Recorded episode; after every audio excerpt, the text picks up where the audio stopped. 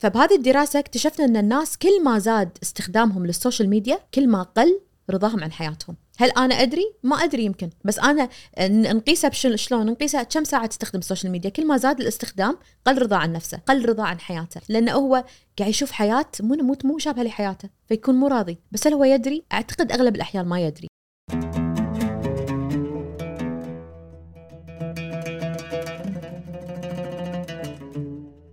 السلام عليكم. هذا بودكاست محفوف. آه، اليوم آه، منصات التواصل الاجتماعي تلعب دور جدا كبير في حياتنا. آه، أصبحنا نعطيها جزء كبير من وقتنا. شد انتباهنا بصراحة بحث مسويته الدكتورة فاطمة السالم دكتورة في قسم الإعلام جامعة الكويت. تتكلم عن آثار منصات التواصل الاجتماعي وشلون انه في حالة تنخلق عند الشخص بأنه يحس انه هو طايفته أشياء ثانية لمشاهدته هذه الصور أو هذه الفيديوهات اللي يشوفها في منص- منصات التواصل الاجتماعي. آه، فتكلمنا عن الأثر النفسي لقنوات التواصل الاجتماعي شلون تأثر على الفرد شلون تأثر على المجتمع. آه، أيضا في جزئية مهمة تكلمنا فيها عن آه، الانتخابات. إحنا اليوم آه، مقبلين على انتخابات آه، في الكويت. فتكلمنا عن دور آه، منصات التواصل الاجتماعي وشلون يؤخذ بالرأي العام. آه، نتمنى تستمتعون بهذه الحلقة. مساك الله بالخير دكتورة. مساك الله بالنور يا هلا يا فيك هلا فيك. مشكورة على وقتك على يتك إيه إحنا أنا بصراحة لفت نظري دراسة سويتيها مؤخرا. إيه بس ماني عارف أبدي لأن عندي ب- بتعريف مفردة معينة كانت أو كانت أساس الدراسة اللي هي فومو. فومو. فشنو هال ال- ال- الكلمة هذه؟ أعتقد أفضل شيء إن نوضحها عشان نعرف بعدين. آه، أول شيء أنت مشكور على الاستضافة وأنا سعيدة بأول مشاركة لي في بودكاست يعني وايد سعيدة بالموضوع هذا. آه، فومو هو معناها fear of missing out اختصار ل fear of missing out اللي هو الخوف من فقدان الفرص باللغة العربية. بس المعنى مو فقدان الفرص كثر ما أخاف بالكويتي يعني أخاف يطوفني شيء. أخاف يصير شيء ما أشوفه أو يطوفني شيء. فهذا الم- ال- المصطلح بدأوا يستخدمونه إنه مثلا لما ربعك بيطلعون وأنت مو وياهم تقول لهم لا FOMO. بيصير فيني FOMO. يعني أخاف يصير شيء أنا مو وياكم. عرفت لما أنت تحس إنه أخاف يطوفني شيء؟ فهذا المصطلح موجود من قبل. هو الحين بدأ بدأ يطلع مرة ثانية على ال social media. فهذه الدراسة كانت ان دور ال FOMO اللي هي أخاف يطوفني شيء أخاف من فوات الفرص وتأثيره على نفسية ال- المستخدمين وشنو علاقته في المقارنة الاجتماعية مع أنا كنت مركزة على موضوع مؤثري مواقع التواصل الاجتماعي. فكنت أقول هل مؤثري مواقع التواصل الاجتماعي يسببون فومو يسببون حالة من إن أنا أخاف يطوفني شيء؟ وهل أيضا نظرية المقارنة الاجتماعية تخليني إن أنا أحس بالفومو وتخليني أحس بنفسيتي آه يعني تأثر على نفسيتي بسبب متابعة مؤثري مواقع التواصل؟ فهذه كانت أسئلة الدراسة يعني. كنت بعرف شنو علاقتهم بالفومو وشنو علاقتهم بالمقارنة الاجتماعية. واللي شفتوه يعني؟ آه طبعا نتيجة الدراسة أنا بالنسبة لي وايد تخوف صراحة. بس كنت متوقع دكتورة قبل لا يعني كنت متوقعة لأن هذه يعني أنا سلسلة دراسات مسوية على موضوع الحالة النفسية وكذي فأدري أن ال- وطبعا مو بس أنا مسوي دراسات في دراسات عالمية وايد عن موضوع أن ال social media واستخدام ال social media المكثف يؤدي إلى إحباط شعور بالإحباط شعور بالتوتر وفي عدة مو بس دراسات حوادث صارت بسبب ال... ال... الإحباط والتوتر والاكتئاب بسبب ال social media لكن ما كنت أدري تأثيرها بالكويت. فكنت مسوية دراسة وأدري ب- في تأثير لكن ما كنت متوقعة بهال يعني بهالسوء. فنتائج الدراسة بينت أن بس آه، عفوا الع- العينة كانت تركز على آه، 3000 من الشباب الكويتي. اللي أعمارهم تتراوح آه، من يعني تصنيف شباب طبعا يختلف من شخص إلى آخر. أنا كانت من 18 إلى آه، 31 تمام. 30 أو 31 والله نسيت. كنا 30 تمام. okay؟ ف ال ال ال نتائج الدراسة بينت إن فئة الشباب هذول آه وايد يتأثرون من مشاهير مواقع التواصل الاجتماعي، إحنا لما نتكلم عنهم دائما أنا حتى أنا ألاحظ الطلبة بال class وكذي ما حد يعترف إنه هو يتابع مشاهير التواصل، لا ما تابعهم، لا ما يأثرون، لا أصلا ما ما صدقهم،. لكن بالواقع لا بالواقع الملايين اللي يتابعونهم هذول إحنا، هذول الشباب. فمتابعه مشاهير التواصل وين مشكلتنا معاهم؟ إنه يسببون المقارنة الاجتماعية ويأثرون على الحالة النفسية للفرد ويسببون حالة من الفومو طبعا هذول الثلاث أشياء مرتبطين ببعض الحالة النفسية مع الشعور بالفومو اللي هو الشعور بالخوف من فقدان الفرص مرتبط أيضا بالمقارنة الاجتماعية مم. ليش؟ لأن أنت لما تتابع مشاهير التواصل أنت طول الوقت قاعد تقارن حياتك الاجتماعية مع حياتهم الاجتماعية وقاعد وتحس تخلف الفرص عندك. تحس إنك أنت ما راح تلحق الفرص. تحس ان طايفك وايد بحياتك. لما أنت تشوف واحد بعمرك عنده يخت وعنده عنده سيارة أغلى نوع وعنده شرى بيت وعنده أرض وعنده شاليه وعنده شقة بما أدري وين أنت راح تحس ان فق... أنت فقدت الفرصة. إنه ما راح متى أنا بيصير عندي هالشيء؟ فتبدي نظرية المقارنة الاجتماعية. والمقارنة الاجتماعية في دورها تأثر على الحالة النفسية. تخليك تشعر بالإحباط. تخليك تقول أنا قاعد أشتغل ومعاشي 1500 دينار. متى بوصل هالمواصيل مع إنه حياتك هي الطبيعية. it's very normal ويمكن وايد من مشاهير التواصل حياتهم sponsored دعايات إعلانات تذاكر ببلاش آه، حتى يعطونهم شقق عشان شقق ببلاش يعني مثلا مشاريع تجارية جديدة آه، مجمعات إسكانية يصورونها. هل هو صج مالته؟ ما ندري. هل هذا السيارة صج مالته أو دعاية؟ ما ندري. هذه كلها تأثر في المقارنه الاجتماعيه حالة النفسيه وأيضا شعورك بفقدان الفرصة. بس ما تت... يعني هذا الموضوع مو من عمر موجود. يعني أذكر فرضا حتى وإحنا صغار في أقران معينين عيال عمنا عيال خالاتنا الناس اللي معنا بالمدرسة دائما في وجه المقارنة. وللأسف في بعض الأحيان حتى الأهل كانوا يقولون شوف فلان شوف فلان فرضا أحسن بالدرجات صح. ولا.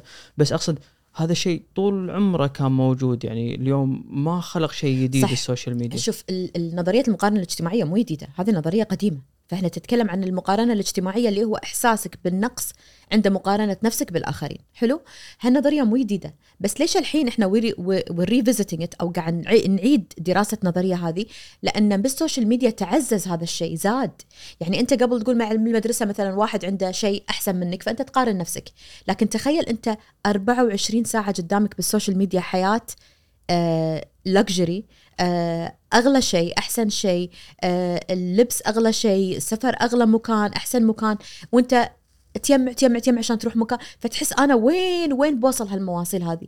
فصح كلامك والمقارنة طول عمرها موجودة لكن مو بالطريقة اللي constant بتليفونك بإيدك موجودة طول الوقت أنت تشوف حياتك وتشوف حياة الآخرين. وزيادة عليها بعد آه، ال ال يعني أنا طبعا هذا مو مو بالدراسة لكن أنا أقول لك إياها يعني. زيادة عليها المقاطع اللي قاعد تنتشر المدربين يسوون life coaching وهذول اللي دائما يحسسونك إنك أنت ما سويت شيء بحياتك. طبعا هذول زادوا بال social media الصبح اشتغل. بالضبط إيه. هذا والله هذا اللي بقول لك إياه. زين فأنت لما تتابع مدربين هذول الطاقة والحياة وال life coaching وال therapy هذول يحسسونك إذا ما عندك مشروع تجاري خاص فيك أنت تخلفت بالفرص. إذا أنت ما تسوي كذي أنت تخلفت بالفرص.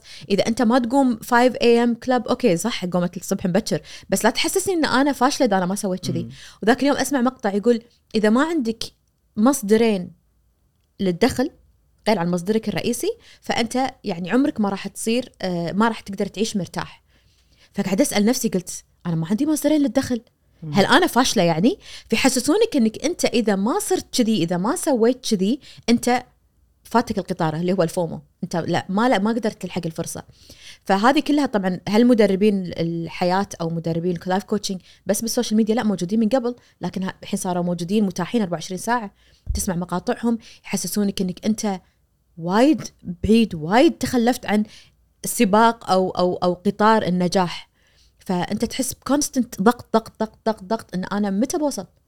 متى بسوي؟ متى بيصير عندي يخت؟ متى بيصير عندي أرض ما أدري وين؟ متى هذه هذه الأشياء للأسف وهذا اللي أنا ودي إنه يعني الشباب دائما يستوعبون انه ترى هذا الحياة اللي بال social media مو هذه الحياة الواقعية. هذول عددهم معين إعلانات sponsorships هم قاعدين يسوقون لحياة غير واقعية. هذه مو حياتنا ولا المفروض إنك أنت تطمح إن حياتك تصير كذي. ف للأسف يعني هذه تأثر على الحياة على المشاعر النفسية. على إحساسك برضاك يعني في دراسة ثانية تأثر حتى على رضاك على حياتك. الرضا عن الحياة. يعني طبعا مو بس المشاهير أنا قصدي السوشيال ميديا بشكل عام. لما تتابع ناس عندها شيء ما عندك إياه أنت رضاك على نفسك ينزل وأيضا رضاك على حياتك. فهمت قصدي؟ يعني ال self-esteem عندك رضاك على نفسك ينزل وأيضا الرضا عن الحياة بشكل عام، هل أنت راضي عن حياتك؟ تصير أنت غير راضي عن حياتك لأنك أنت تحس إن أنا ما أنجزت شيء، ما نجحت، ما وصلت، مع إنك أنت ما فيك شيء موظف وعندك راتبك وكل شيء، بس انه تصور لك ال social media حياة مختلفة تماما عن حياتك. مم. بس دكتورة في كان فرق يعني أنتم اليوم خذيتوا عينه من 18 ل 31 قلتي؟ إيه زين بو 18 سنة آه، فرضا لما أنا أجي أقيس هل كان تأثير التواصل الاجتماعي عليه أكبر من 31 اي طبعا كان في فروقات آه، بس مو وايد ترى. آه، في فروقات ما بين العمر وفي فروقات بعد آه، بالنوع بين الذكر والأنثى. طبعا ال- الأنثى تستخدم ال social media أكثر من الذكور ولأسباب معروفة لأن هي يمكن عندها وقت أكثر بالبيت وقت أكثر ماسكه تليفونها. الشباب يمكن يطلع أكثر يروح يقابل ربعه الديوانية. فمختلف مختلف شوي لكن مو فروقات كبيرة. يعني ما تستحق إعادة النظر. بس في فروقات بالعمر وفي فروقات أيضا في مستوى التعليم. يعني انت بأي مرحلة تعليمية شنو دارس يفرق بعد حتى بتأثيرها على حياتك. لكن بس شلون يفرق عفوا؟ إذا كل ما أنا كان تعليمي أكثر, أكثر. كل ما قل تأثير ال social media عليك. مفروض يعني وهذا هذه النتيجة طلعت. لكن مو وايد مو فرق وايد يعني. فهي تأثر على فئة الشباب. عشان شي أنا قلت تأثر على فئة الشباب. في فروقات لكن مو كبيرة. لأن أنا أحاول أفكر إن أبو 18 سنة متى آه، بدأ يستخدم ال social media يعني هل بدأ يستخدمه بمرحلة من المتوسطه يعني يعني يعني هذه هذه حالة استثنائية اليوم إن عندي أنا عينة من الناس بدأ استخدام التواصل. الاجتماعي يعني متأكد طريقة تفكير هذا الشاب صح. تفرق عني صح. أنا يعني اللي عشت ثلاث أرباع عمري من غير ال social media من غير ال social media هذا صح آه طبعا تفرق أكيد وت... وتفرق الحين على الجيل الجاي القادم اللي الحين عمرهم ست سنين اللي من الحين يستخدمون ال social media اللي من الحين أحلامه يصير YouTuber اللي من الحين أحلامه يصير gamer مم. هذول الناس وايد راح يت... ما أدري شنو راح تطلع نتائجهم بس أنا متأكدة حياتهم راح تكون surrounded by social media و surrounded by ال influencers هذول. وراح يكون حلمه وطموحه يكون آه influencer أو حلمه وطموحه يكون YouTuber والناس تشوفه. وما يندرى بالمستقبل شنو راح يكون. أتوقع كل واحد راح يكون YouTuber بالمستقبل. مم. كل واحد راح يعرض حياته اللي يسمونها ال vlogs هذه اليومية. مثل ما إحنا الحين قاعد نكتب كلمات بتويتر عن يومنا راح يصير تصور آه، يومك ب vlogs أو ما, أدري شنو المستقبل ممكن يكون. ولكن أكيد بيتأثرون. أكيد يعني أنا دائما أنا وايد يعور قلبي لما أشوف أهل يسمحون حق عيالهم يستخدمون ال social media. مم. أنا أتكلم يهال صغار آه وايد يعور قلبي لأنهم مو حاسين إيش قاعد يسوون بالطفل. خذ- وتقول لي لا قاعد يشوف برامج أطفال. لا من قال برامج أطفال يعني صح. يعني عندك هذا في طفل آه أمريكي اسمه الحين يطلع اسمه. المهم آه هذا الولد آه عنده مثل YouTube channel حق الألعاب. ما أدري تعرفه؟ Ryan Ryan. Ryan إيه راين. إيه. عنده YouTube channel حق الألعاب. يفتح الألعاب وبدأ هو كان يفتح ألعاب آه، يعطونا sponsorship مطاعم ألعاب هدايا لما صار عنده market ألعاب باسمه تنباع ب Target و... فهذا ال- الأهل لما أنا أقول لهم ترى ما يصير تخلون عيالكم يشوفونه. ليش؟ فيها عادي قاعد يشوف ياهل يلعب قلت أنت قاعد ت- قاعد تسرقين الطفولة من طفلك. لأن قاعد تخلينه يشوف طفل ثاني يلعب بدال لا هو يلعب. وقاعد تخليه يعيش ب- ب- بواقع ويعيش بوهم إنه إن الطبيعي إنك أنت يكون عندك جبل من الألعاب، الطبيعي إنك أنت بعيد ميلادك يحطون لك كاسل كاملة من ال من هذول الكور، مع انه بالواقع إحنا اعياد ميلادنا المفروض بكيكه صغيرة وشمعة ومستانسين وبالونات نعلقهم إحنا نشتريهم، لكن ال- اللي قاعد يشوفون الأطفال باليوتيوب قاعد يحسسه تخيل طفل عمره خمس سنين يشوف راين. جبل يفتح ألعاب والياهل تشوفه يشوف يشوف راين ويضحك. هو قاعد يعيش داخل الشاشة ما قاعد يعيش حياته. بدال لا تعطي انت طفلك لعبة تخليه يشوف ياهل يلعب؟ ليش؟ وأذكر أنا ولدي لما كان آه، بال ثانوي بدأ يلعب PlayStation فكان يشوف آه، آه، ناس يلعبون يعني gamers هذول. فكنت أقول له حمدي أنت ألعب لا تشوف واحد يلعب. أنت ألعب ليش قاعد تشوف؟ لا أتعلم ال tricks مالته. وكنت دائما أحرص عليه أقول له لا تسمعهم هذول. ولا طبعا يقولون كلام أصلا يعني وطريقة حياتهم وأكلهم. فلا هو يشوف ناس تلعب قلت له أنا ما عندي مانع أنت ألعب. ما عندي مانع حتى كان يبي عرفت اللي يشترون أشياء حق اللعبة حق اللاعبين ما أدري شنو. فكنت أسمح له لأنه ما بيشوف أحد غيره يلعب أبي هو يلعب. لأن أنا أدري هذا يأثر نفسيا. لما أنا قاعدة أشوف غيري مستانسة وأنا قاعد أضحك لأنها مستانسة زين ليش ما أنا استانس. هاي مشكلة ترى. أنا أنا أكثر شيء يعني إذا نحب موضوع الأطفال أذكر أكثر شيء خرعني إنه أعتقد ك- أيامها كانت في حملة عن التنمر في المدارس وامور إيه. كذي فاللي كان يطرح مثل طرح مثل صدق بالنسبة لي كان مرعب يعني يقول أول إحنا حياتنا إذا أنا كنت أعيش حالة تنمر كانوا الناس يأذوني هذا يقول هذا التنمر كان يوقف الساعة 2 ونص الظهر يوقف خلاص صح. أنا أطلع من المدرسة أروح البيت أنا بأمان يقول اليوم مع التواصل الاجتماعي هذا الشخص صح. ممكن يفتح تليفونه يلقى حاطين شيء عنه ب بفيسبوك ولا بإنستغرام أو أي مكان ويعيش. حاله التنمر هذه طبعا 24 ساعه طبعا طبعا يعني. ال blackmailing هذا موجود بين الأطفال بشكل وايد كبير. هني عادي دور الأهل يعني. المفروض الأهل يكونون واعيين المفروض الأهل يشوفون التغيرات على أطفالهم على عيالهم. المفروض الأهل يراقبون إيش قاعد يصير بال social media خصوصا إذا عيالك صغار وعندهم تليفونات لازم تعرف إيش قاعد يصير بالتليفون قاعد يحصل. يعني اللي يشوف فجأة ولده حالته تتغير لازم تعرف إيش قاعد يصير له. هل أحد blackmailing هم أو قاعد يبتزه قاعد يأذيه؟ يعني ترى ال social media عالم جدا خطر يعني. بس ما يعني تحضر أو ما إذا سمعت يعني يعني عندنا هالأشياء بالكم بالكم ما طبعا. صراحة. لا لا عندنا وايد هالأشياء موجودة وايد بالمدارس. أذكر قبل كم سنة آه ما أذكر أي سنة انتشرت سالفة لعبة الحوت الأزرق. ما أدري إذا سمعت إيه، فيها. مرت عليه صح. آه لعبة الحوت الأزرق وكتبت عنها دراسة نزلت بجريدة القبس. آه اللي هو شنو كان الناس تعتقد فكل الأهل لا إحنا مسحنا اللعبة. هو مو لعبة أصلا عشان تمسحها. it's not a game it's not an application هي مجموعات داخل الإنستغرام وداخل برامج ال social media. هي مو it's not يعني هي مو لعبة. فالأهل يقولون لا شيكنا تلفونات عيالنا مو موجودة. بس كانوا يسوون؟ ما ما هي شنو كانت؟ كانت مجموعات موجودة بال بالإنستغرام وبالمواقع هذه. إن هي مجموعات آه، تدعم ال- الحالة النفسية السيئه السوداوية بالحياة وتدعم الانتحار. وكانت يعني كانوا كانوا مطلعين يعني قصة لعبة مثل لعبة مراحل وكل مرحلة وآخر مرحلة إنك أنت تنتحر. وهذا كان في مثل واحد آه، روسي هو اللي مؤلف اللعبة يتحكم مجموعه آه، الأطفال يتحكم فيهم وكل يوم يخليهم يسوون شيء.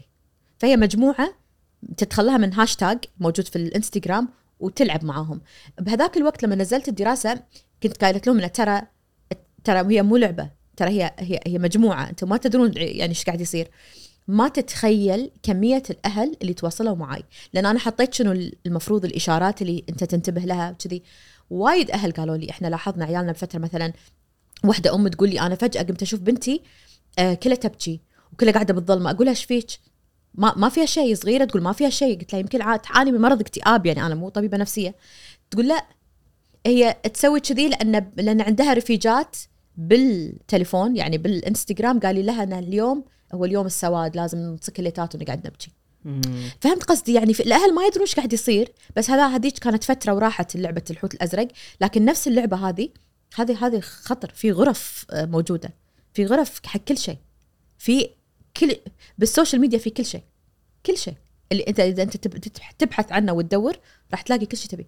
بس دكتور- يخرع دكتورة اليوم أنت حتى كأم من المعلومات اللي أنت تشوفينها يعني أنا صدق أشوف في وايد أهل يمر مرحلة اللي يقول لك أنا شلون أتعامل؟ إن هل أنا أحرم طفلي من الجانب التكنولوجي؟ وهذا أكيد له عواقبه يعني أنا. باكر طفلي يعني ما عنده الوعي اللي موجود عند أطفال ثانيين. صح. بالمقابل أنا عندي الخطورة اللي تكلمنا عنها صح. إحنا توه.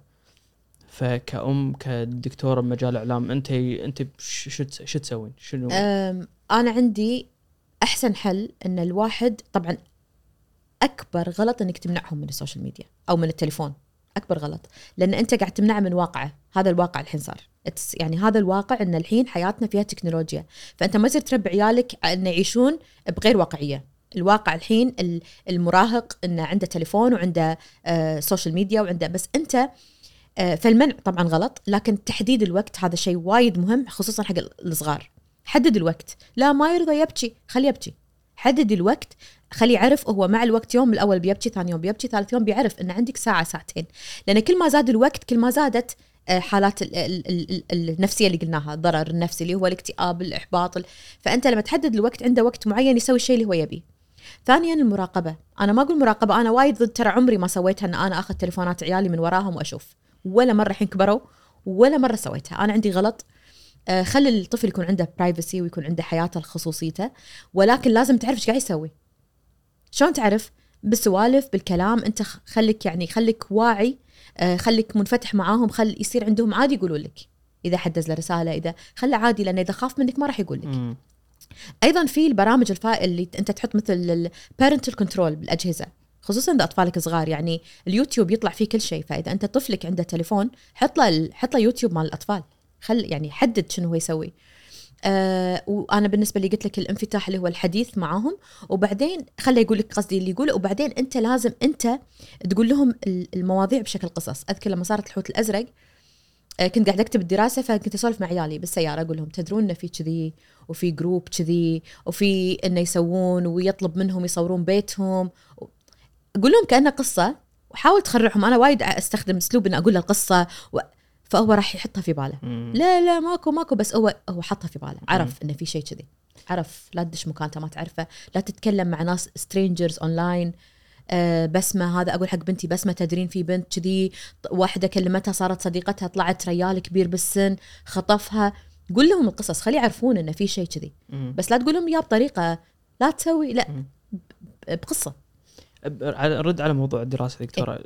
أنا ودي أعرف أصلا إن الناس اليوم عندها الوعي الكافي إن إذا أنا اليوم حالتي النفسية مو زينة فهذا قد يكون مرتبط في موضوع السوشيال ميديا. يعني يعني اليوم أنت لما أنا يعني أنا ممكن بالدراسة أنا قاعد أفكر كذي أتخيل معك إن أنا سألت شخص هل أنت فرضا قنوات التواصل الاجتماعي قاعد تأثر على نفسيتك ممكن هذا الشيء موجود فعلا صح بس هو ما مو حاط هذا الربط صح. فمرحلة الوعي إحنا ويننا؟ شوف بس أهم بس نقطة وايد مهمة أبي أقول لك إياها إن إحنا لما بالدراسات لما نربط الشيئين لما نربط مثلا حالة ال FOMO ولا آه، الحالة النفسية بمتابعة مشاهير التواصل الاجتماعي إحنا ما قاعد ما قاعد نقول إن في علاقة سببية لكن قاعد نقول في علاقة ترابطية مم. فهمت؟ لأن ممكن أنت محبط وحالتك النفسية سيئة من أشياء ثانية وأنت تتابع المشاهير بس هذا بس إحنا ما قاعد نقول ان هم قاعد نقول مرتبطين بس ما قاعد نقول هذا هو السبب الوحيدي. ألو... الوحيد أقصد. لأن في في مرات الناس تلخبط بالدراسات تعتقد إنه it's causal it's not a causal relationship it's مو في مو السبب في بالضبط كورليشن أما سؤالك إن هل الإنسان يدري؟ في أغلب الأحيان الإنسان ما يدري. يعني لما أنت تحس بإحباط وكاره مثلا جسمك. أنا متينة أنا متينة أنا متينة أنا متينة. أه وكارهه عمري و...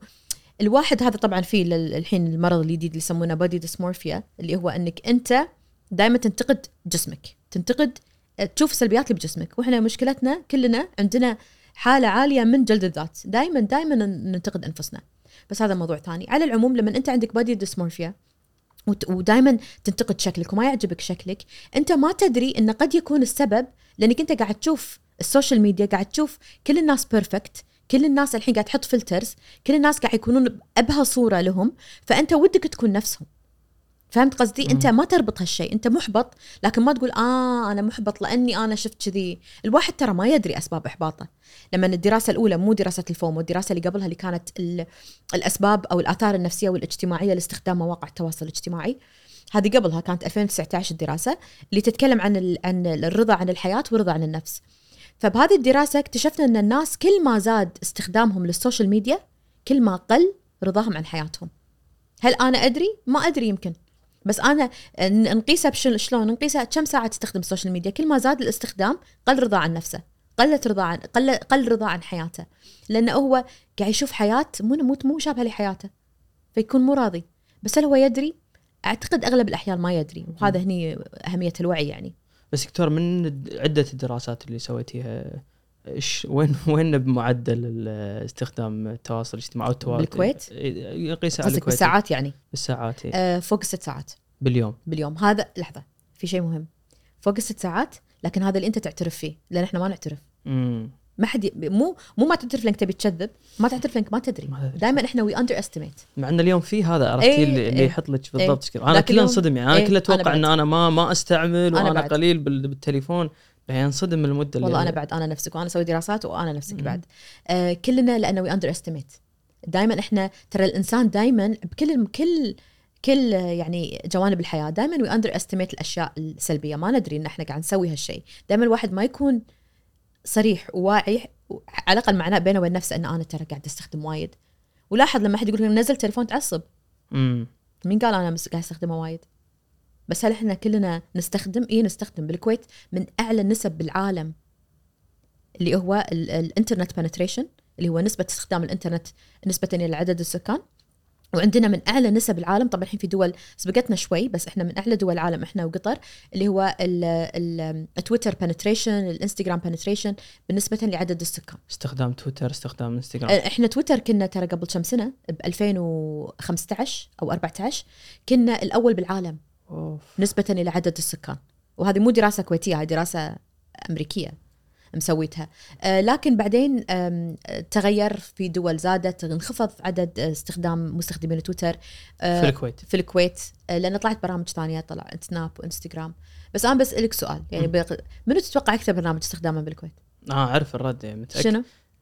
أنا بس لأني غاش أنا غاش, إيه، غاش. غاش. قاري بس بس لأني كان عندي تجربة شخصية إيه. بالبودكاست نفسه يعني هذا خوش قصة خليني أقول لك إياها هو تيك توك صح؟ إيه. تيك لا. مو تيك توك ها؟ لا لا لا مو تيك توك انستغرام بالكو... آه، بالكويت. التيك توك على growth صح؟ على growth على نمو.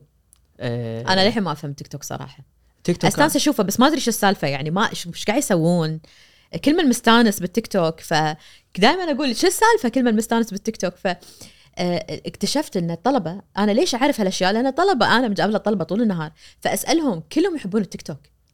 أصلا أسألهم تستخدمون تويتر؟ طلعوني شخباري تويتر انت وايد قديمة يعني مم. لهالدرجة. كلها تيك توك. اي كلها تيك توك. بس ال- الصدمة أنا كانت بالنسبة لي أنا كنت أعتقد إن آه، تيك توك آه، تطبيق يخص الشباب. آه، يعني اللي يستعملونه يتراوح يعني ما تعدى أعمارهم خلينا نقول الثلاثين. خلينا نقول يعني هذا أبعد صح. احتمال أنا حطيته. اللي اكتشفته عكس هالشيء هذا إن لا كبار يعني يعني ناس قد أبوي قد أمي يستعملونه. واللي اكتشفته فيه انه ال- أكثر شيء يسوونه بتيك توك إنه يتم آه، ال creation مال الفيديو يسوونه هناك بعدين ينسحب من تيك توك ويحطونه بأماكن ثانية. اي يعني الأساس يبدي بتيك توك بعدين صح. ممكن ينتشر على تواصل صح. آه، مواقع التواصل الاجتماعي الثانية. بس لا تيك توك كان بس ما قلت القصة. القصة اي القصة ان ان إن يعني إحنا اليوم فرضا بودكاست محفوف آه، عندنا تويتر آه، عندنا إنستغرام آه، فعمره ما طرى على بالي إنه آه، تيك توك. كنت أدري انه برنامج قاعد ينمو بشكل مو طبيعي والناس كلها تطالعه بس كان عندي اعتقاد إن المادة اللي إحنا قاعدين نقدمها آه، مو مناسبة لجمهور تيك توك. آه، لين يوم عندي صديق قال لي أنا ترى عنده شيء مشابه اللي أنا قاعد أسويه. قال لي جربه ترى زين. يا دكتور أنا انصدمت. يعني اللي اللي قاعد من يصير التفاعل ها؟ اللي قاعد يصير معاي بتيك توك يعني اضعاف أضعاف ال- ال- التفاعل اللي إحنا نحصله آه، بتويتر وإنستغرام. آه، يعني أي واحد أصلا اليوم يبي يشوف آثار هذه الدراسة بس إيه. خليه يشوف تويتر فرضا الموجود للبودكاست ويقارنه بتيك توك توك. ولا إنستغرام شيء مو إيه طبيعي غريب يعني. صدق صدق غريب شوف قبل وال- والانتش ليش أنا عفوا أقول إيه. لك ترى لا تشوفين ال ال ال يعني لما إحنا نحط مقاطع خالاتي ما أعرف إيه إيش يشوفونها لأنه يوصل قام قام إيه. يوصل بالواتساب صح، بشكل صح، مو طبيعي صح يعني صح صح صح شوف قبل فترة عادة الندوات لما تكون ندوة بمكان يعني بس اللي قاعدين بالندوة يسمعونها مرات يصورونها بس يعني منو له خلق يفتح يسمع ندوة خصوصا لما يكون موضوع عن المرأة وعنف ضد المرأة ما أحس في وايد جمهور إلا اللي مهتمين بالموضوع يعني. فقبل فترة كان عندي ندوة آه، بجمعية المحامين. ومصورينها فيديو بس كان يعني كانت لمجموعة الناس اللي مه- اللي مهتمين بموضوع المرأة وكان عن صورة المرأة بالإعلام. فصوروا فيديو وخذوا مقاطع حطوها بالتيك توك. لأول مرة مع إنه يعني موضوع عن العنف وصورة المرأة يعني مو موضوع بلزنت يعني. لأول مرة الشباب الطلبة دكتورة شفتك بالتيك توك؟ دكتورة شفتك بالتيك توك؟ أقول هاو أنا بالتيك توك؟ ما عندي تيك توك أصلا. إلا شنو؟ ماخذين مقطع أنا كنت أقول فيه يعني بالنسبة للي هم ما يشون ما ليش يشوفونه يضحك يعني. أنا كنت أقول إنه مو معقولة المسلسلات تصور المرأة إن إن عادي كل يوم زوجها الصبح يطقها وبالليل يطقها كأنه عادي يعني وتكمل حياتها. ترى مو عادي الضرب كنت أتكلم عن. العنف. فهم ماخذين هالمقطع. زين؟ وظهر أنا قلت يطقها كف فهم يضحكون على كف. ما مم. والله أنا ليومك مو فاهمة جمهور تيك توك فانتشر المقطع بشكل كبير. قاعد أقول الحين أنا كل هالدراسات اللي أسويها وهالكلام ال serious أشوف ما حد درى عني. مم. لما تكلمت عن العنف وكف لأني قلت كلمة كف آه، بالتيك توك صح؟ انتشار جدا كبير. أوكي. لأول مرة أقول لك لهالدرجة يوصل لأن دائما أنا مو- مواضيعي كذي serious يعني فما الشباب ما يهتمون مواضيع بتكلم عن دراسة. أوكي يعني لأن لما يكون مجبر بالجامعة. فالتيك توك لا صدق صدق في تفاعل صدق يعني. بس أنا أحس التيك توك أنا أقول لك شغلة في نظرية كانت لمدة طويلة توها بدأت تتغير بالنسبة لي. نظرية النظرية اسمها 90 9 1 90 9 1 تقول إن آه 90% من الجمهور هو متابع فقط متابع بصمت. حلو؟ و9% من الجمهور هو المتفاعل. و1% من الجمهور هو منو؟ هو اللي يخلق المحتوى. حلو؟ يعني كل اللي تشوفه من يعني أنت تعتبر صانع محتوى أنت صانع محتوى. اللي تشوفه الردود هذه ترى بس 9% من الجمهور اللي يردون عليك اللي فيه تفاعل. بس ترى 90 يتابعون بصمت. مم. فليش إحنا نقولها أنا دائما أسوي تجربة لما أدرسها الطلبة بمادة التكنولوجيا. أقول خلينا نسوي تجربة. أعطوني واحد من مشاهير السوشيال ميديا طلعوا لي اسم واحد. كم متابع عنده؟ 7 مليون 5 مليون. أه طلعوا لي صورته يطلعون صورته. كم واحد معلق؟ 200 مم. 300 ترى 300 وايد. مم. بس نسبة إلى عدد المتابعين ولا شيء. نسبة جدا قليلة. وكل ما أسوي التجربة يطلع أصلا أقل من واحد من 9% المتفاعلين. مم. أقل بوايد. فمعناته أن كل اللي تشوفه هذا ترى ما يعدي 9% من من ال- ال- التفاعل. ترى باقي الناس كلهم ساكتين يتابعون بصمت. بس التيك توك أحس بدأ شوي يغير. بدأ يصير خ... يعني صانعين المحتوى أكثر من 1% لأن صح. بتيك توك كلك كلكم صناع محتوى. كلكم قاعد تسوون فيديوهات و... فشوي يعني أحس يبي له revisiting حق النظريات اللي كانت تنطبق على السوشيال ميديا ما تنطبق على التيك توك مم. في أشياء جديدة. أنا بس ودي أرد حق معلومة قلتها يا دكتور إن إحنا من الكويت فرضا يوم من الأيام كانت من أكثر دولة مقارنة بعدد الشعب آه، استعمالا لتويتر. بس تويتر. بشكل عام في سبب وصل أو تعرفتي عليه إن ليش إحنا عندنا هذا الاستعمال عالي لقنوات التواصل الاجتماعي؟ شوف آه هذه انقالت ال- الجملة الدراسة انقالت وموجودة حتى بال- بالأونلاين يعني تقدر تشوفها Northeastern University مطلعينها آه كانت آه يعني كانوا مسوين كان تويتر بدأ توه يزيد تزيد شعبيته وصار عندنا الحراك السياسي بالكويت وصار ال ال السياسيين لاول مرة نقدر نوصل لهم ونسولف معاهم ونرد عليهم ويردون علينا بدايات تويتر. 2011 2011 2012 فهذه الدراسة يعني يقول هي طلعت آه، بعدها بسنة سنتين. فوجد وجدت إن الكويت هي من أعلى الاستخدام لأن إحنا كنا بوقتها نسبة لعدد السكان نتكلمها وقتها كان الناس منجذبه لتويتر شيء جديد. شيء مكان جديد أقدر أتكلم فيه عن السياسة وأتناقش مع السياسيين. فهمت قصدي؟ فكانت آه، الأولى بالعالم. الحين كل الناس انخفض نسبة نسبة لعدد السكان انخفض استخدام آه، تويتر. يعني بكل العالم. هو it's growing بس التفاعل قل. إذا ما أدري إذا أنت تلاحظ يعني أنا أحس حتى التفاعل آه، قاعد يقل. الناس ما صارت ما صار اهتمامها وايد نفس قبل. مم. قبل لما أي سياسي أو نائب يقول تغريدة الكل يرد عليه نقاش. الحين عادي شوية اللي يردون عاد النسبة بدأت تنخفض. بس ما تحسين دكتورة أنا أنا مشكلتي إن م- أنا مو أحسن شخص مطلع على تويتر لأني آه، لفترة جدا طويلة لين رديت سويت البوست البودكاست. كنت منقطع عن أساسا كل قنوات التواصل الاجتماعي يعني. فتويتر لفرضا بقول خمس سنين ما كنت أدري شنو قاعد يصير. اللي الحين رديت عشان يعني البودكاست وأكون واعي اللي قاعد يصير. بس كأن حسيت إن تويتر آه، يخلق صورة للرأي العام. ما أدري إذا يمثلها آه، بس اليوم أي واحد مطلع على السياسة اللي تصير عندنا بالكويت آه، من أكثر. الأدوات فعالية آه، إذا أنا هذا الشخص ركزت عليه في تويتر صنعنا اليوم هاشتاج وصار في ضغط في تويتر. مو أنا ما أتكلم عن عن الشارع ما أتكلم عن الشعب بس ضغط في تويتر. يمثل منه هل هذول ناس حقيقيين؟ أنا ما أدري. بس إذا انخلقت هذا الحالة هذا ال- المسؤول أو الشخص راح ينحرج سياسيا. فهل شنو شنو تأثير تويتر آه، على السياسة اليوم عندنا بالكويت على على طريقة عمل البلد أصلا يعني؟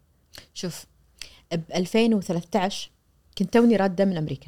م. حلو؟ وكنت توني متعلمة وكان شيء جديد وايد يعني كان بعد حملة أوباما كانوا مكتشفينه اللي هو الرأي العام الإلكتروني واستطلاعات الرأي العام الإلكترونية شنو يعني؟ مو يعني أسأل الناس استبيان، أحلل كلام الناس ال content analysis اللي هو تحليل مضمون. فكنت أسوي دراسات بالقبس اللي هو تحليل مضمون تويتر على أي قضية، مثلا قضية آه، إسقاط القروض. التحليل مضمون فالرأي العام الكويتي من خلال تويتر على موضوع مثلا القروض خلينا نقول. وتطلع لي نتائج ما تتخيل إيش كثر نسبة الناس اللي ما كانت زين ما حد سألني أنا واحد يقول لي. أقول له ما سألت أحد أنا. أنا خذيت تغريداتكم وحللتها big data analysis فما حد كان فاهم الطريقة شلون يعني شلون يعني تحللين كلامنا؟ شلون وايد ناس كانوا يقول لا التويتر مو الرأي العام الحقيقي. وأنا كنت أكتب بكل كنت أنزلهم تقريبا مرة بالشهر. كنت بكل دراسة أقول إن هذا رأي عام إلكتروني رأي عام تويتر. ليش أقول رأي عام تويتر؟ لأن ال- الرأي العام الإلكتروني يختلف عن الرأي العام الحقيقي. وايد يختلف. ودليلك انه وايد مرات الله أكبر وايد مرات آه تشوف آه سياسي أو خصوصا وقت الانتخابات تشوف واحد وايد حملته قوية بتويتر وناس يعني وايد قاعد يدعمونه بس ما يفوز. أوكي؟ فهو مو indicator يعني. يعني الناس قبل كانوا يحسبونها كم متابع عنده إيه هذول الاصوات عدد الأصوات. لا مو عدد الأصوات. يعني مو شرط ومشكلتنا السياسيين وايد كانوا يركزون بس على تويتر. بحملاتهم ويعتقد إنه بدام هو مشهور بتويتر والناس يحبونه وعنده يعني شعبية يعني خلاص لا. لأن الأصوات والتصويت وايد يختلف عن تويتر. هذا لازم يعني السياسيين ينتبهون لها. ولكن هل هو رأي عام؟ أنا بالنسبة لي ما يصير ونجلكتت يعني إن إحنا نهمله. نقول لا لا نهمله انه لا لا مو رأي عام وخلاص لا. هو هو يبين أو يعكس صورة أو خلينا نقول آه صورة ولو كانت distorted أو مو حقيقية للراي عن الرأي العام. يبين. يعني أنت تقدر تقيس تويتر تشوف المزاج العام. بالكويت اليوم. شنو مزاجنا؟ إيش قاعد نقول؟ آه لكن دائما تذكر النظرية 991 من اللي قاعد يكتب بتويتر؟ 9% ترى وايد ناس ساكتين. يعني أنا وايد أقرأ كلام ودي أرد ما أرد. أنت ترد على كل شيء ودك تقوله؟ مم. فهل هو رأي عام من الحقيقي؟ لا. بس هل هو indicator إي indicator إي هو مؤشر. بس مصداقيته آه المصداقية شوف شوف بال... لما أنت تحللها علميا ولا بنظر بعينك؟ لما تحللها بعينك تحس انه ما في مصداقية بس لما تحللها علميا ترى البوتات وال electronic آه، آه، tweeting تبين عندنا فنشيلهم.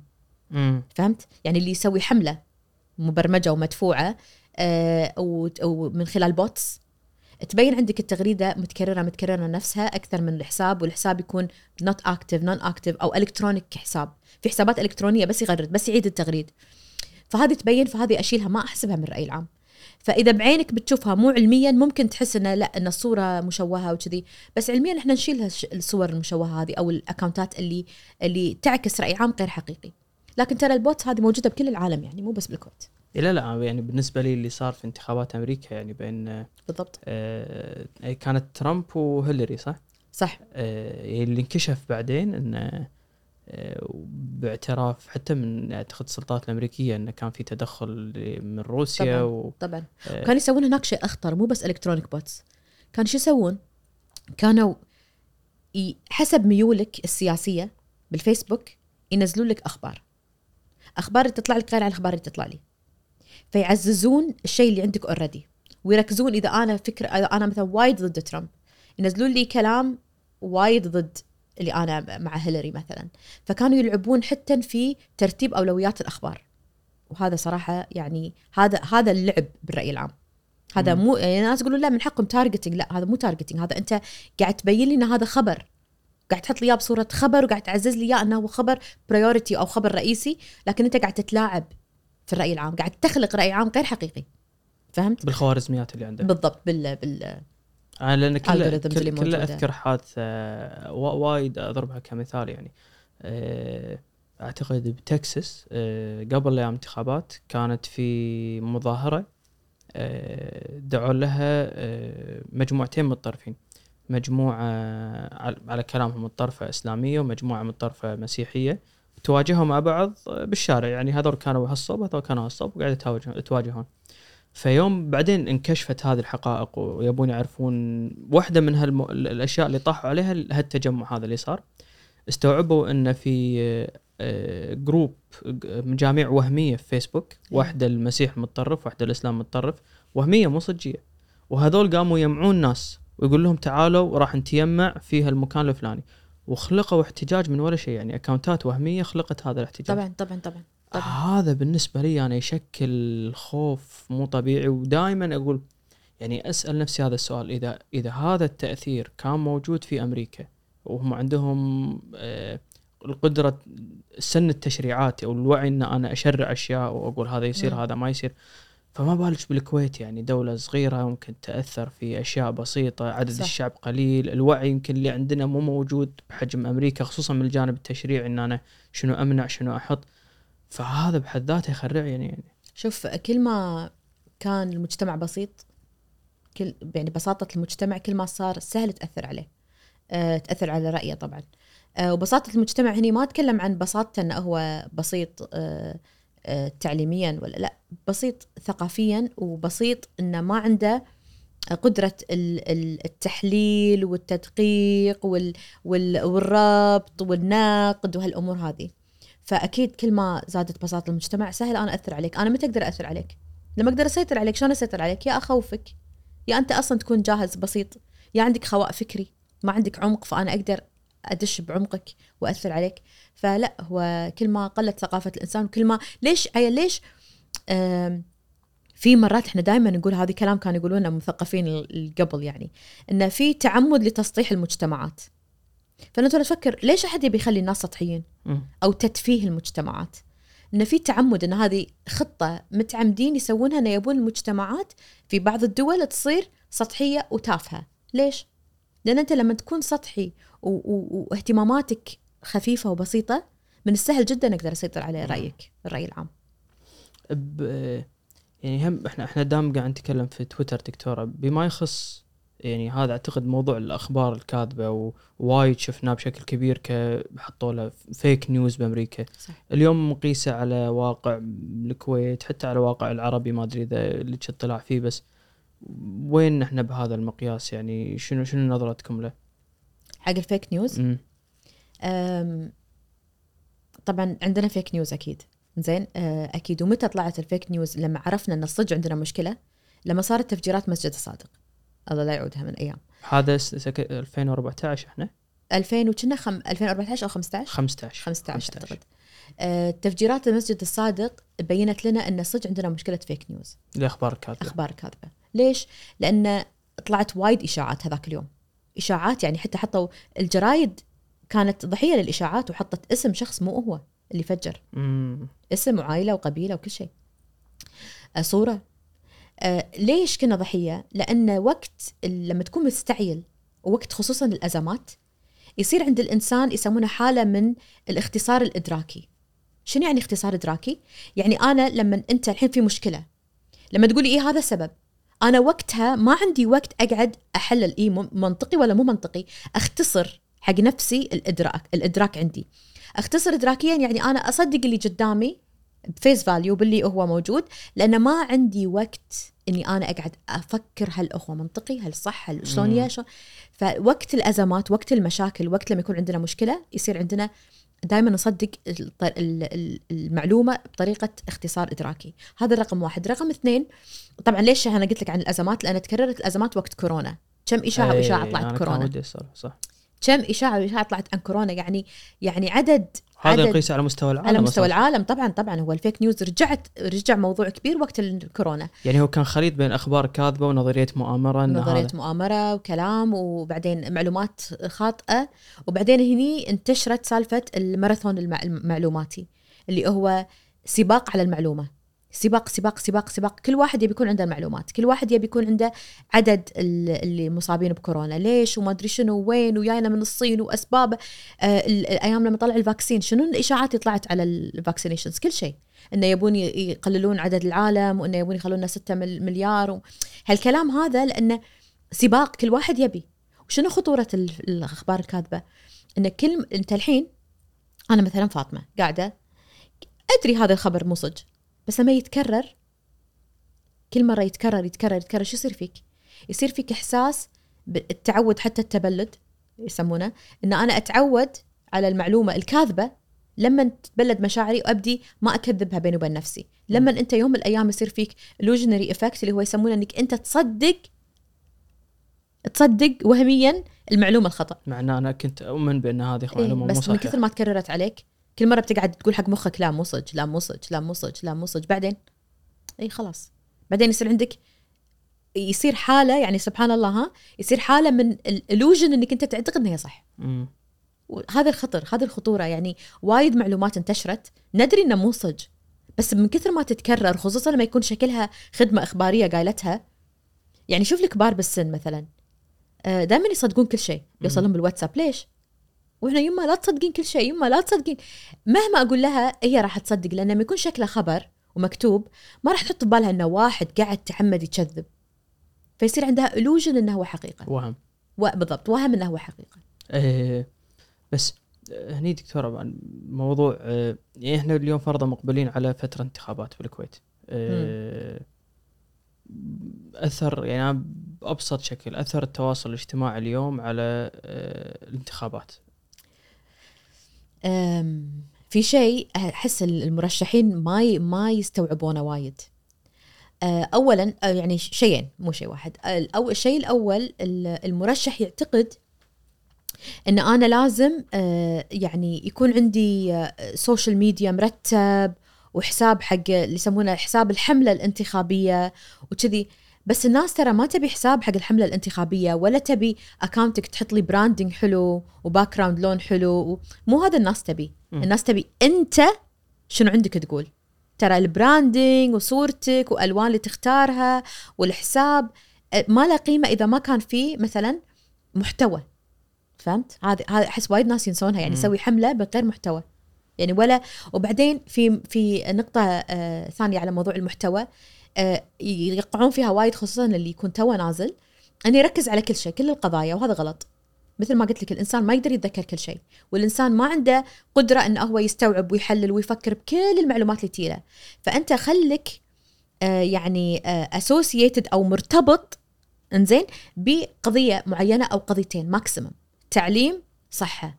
قضاء على الفساد غسيل أموال. يعني خل آه، اختار لك قضيتين وركز عليهم. مو لازم تقول كل شيء. مو لازم لما تقول كل شيء تضيع بين معلوماتك. النقطة الثانية اللي قلت لك انه في مش مشكلتين المرشحين يعني يقعون فيهم اللي هو الاستطلاعات الرأي الوهمية اللي تصير بال social media. وهذا وايد خطر. أذكر يعني كتبت آه، دراسة على على جزئين بالقبس عن هالموضوع اللي هو الوهم مال استطلاعات الرأي اللي تصير. وايد منها أول شيء مدفوعة الثمن غير حقيقية. ثاني شيء خطورتها إنه يسوون على على عينات خاطئة. على هو ممكن أول شيء وهمي ممكن يكون أصلا مو مسوي بس يحط أرقام هذا هذا خالصين منه وهذا يعني غير أخلاقي وكل شيء. النوع الثاني يسوي يسوي استطلاع صج بس يسأل لي 100 واحد. كلهم ساكنين بالضاحية. أو يسأل لي 100 واحد كلهم ساكنين بمنطقة معينة بالقيروان في معينة منطقة معينة كلهم يبون هذا المرشح. يطلع الأول أكيد. صح. فالإجراءات الخاطئة هذه مشكلة.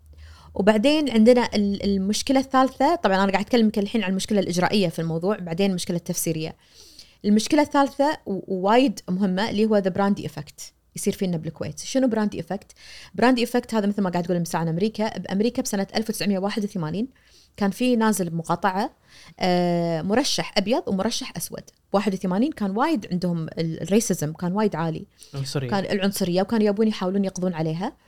فكان هذا المرشح وال- والشخص المرشح الأسود كان وايد عنده يعني آه يعني متعلم ومثقف وعنده قاعدة. فكانوا يسوون استطلاعات يسألون الناس بتصوت حق برادلي الأسود ولا الأبيض؟ فكانوا كلهم يقولون برادلي برادلي برادلي برادلي. لما طلعت نتيجة شنو تتوقع النتيجة؟ الأبيض. الأبيض فاز بنسبة وايد فرق. فرجعوا حق استطلاعاتهم. ليش؟ طلع. ليه؟ شلون يعني؟ سوينا استطلاعات صحيحة واختاروا عينات. مو نفس المشكلة الأولى اللي قلت لك انه إنه وهمي أو إنه مختار عينات خطأ. لا مسوي صح. اكتشفوا المشكلة إن الناس كانت واقعة سموها عقب تحت أثر برادلي أو the Bradley effect اللي هو إنك أنت يكون عندك مثل آه، يعني الخوف من تقييم ال- الباحث. فأنت لما تيجي تسألني بتصوتين حق أسود ولا أبيض أنا أخاف إنك أنت تقول عني عنصرية فأقول لك. الأسود. بس أنا صدق بصوت حق الأبيض.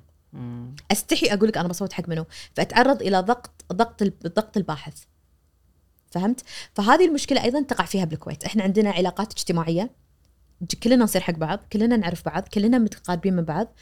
آه فلما أنت تسأل واحد بتصوت حق منو أنت تقيس على منو قاعد يسألك هذا تحسه مع منو؟ أنت تجاوب. فما تجاوب الصج هاي مشكلة جدا كبيرة. بعدين عندنا مشكلة آه أيضا في الاستطلاعات لما تكون استطلاعات غير حقيقية لما أنا أرتب الأشخاص. اللي يطلع الأول مشكلة اللي يقولون ترى بتفوز بتفوز مشكلة. والمفروض ما يستانس ترى. لما أنا أقول محمد بيفوز خلاص. ضمن مقعده بالثانية.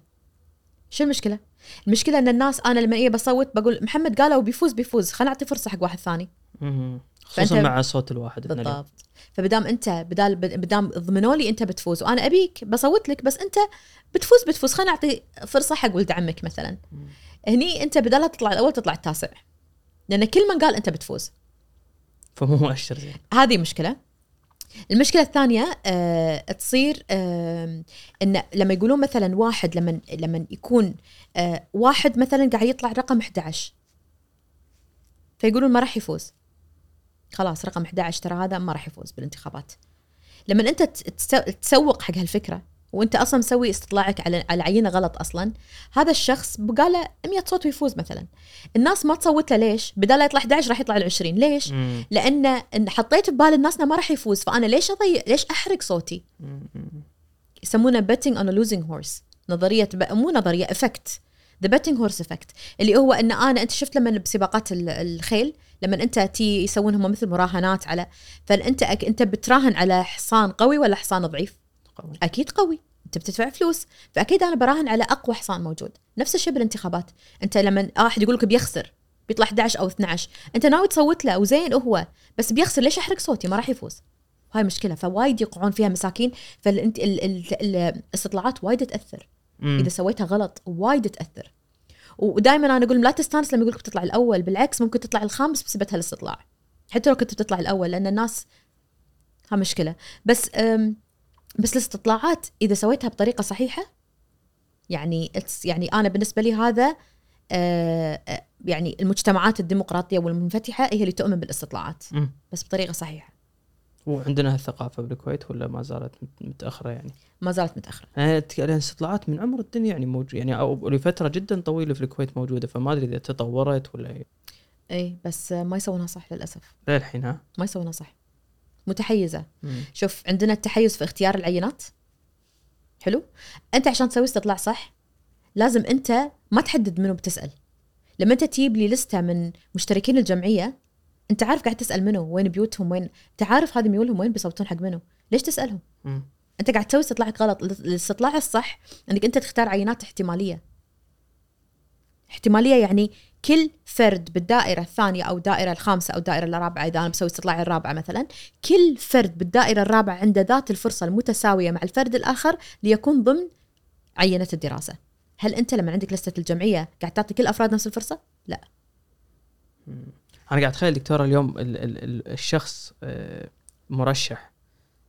إذا خاض انتخابات آه، وما عنده ما عنده فرضا حسابات في التواصل الاجتماعي. إيه. يعني هل هذا عنده بس قاعد قاعد اتخيل انه عنده أي فرصة للنجاح بعالمنا اليوم؟ يعني انتخابات 20 22 أو 20 23 هي اعتبر ال social media اعتبره كأنه CV.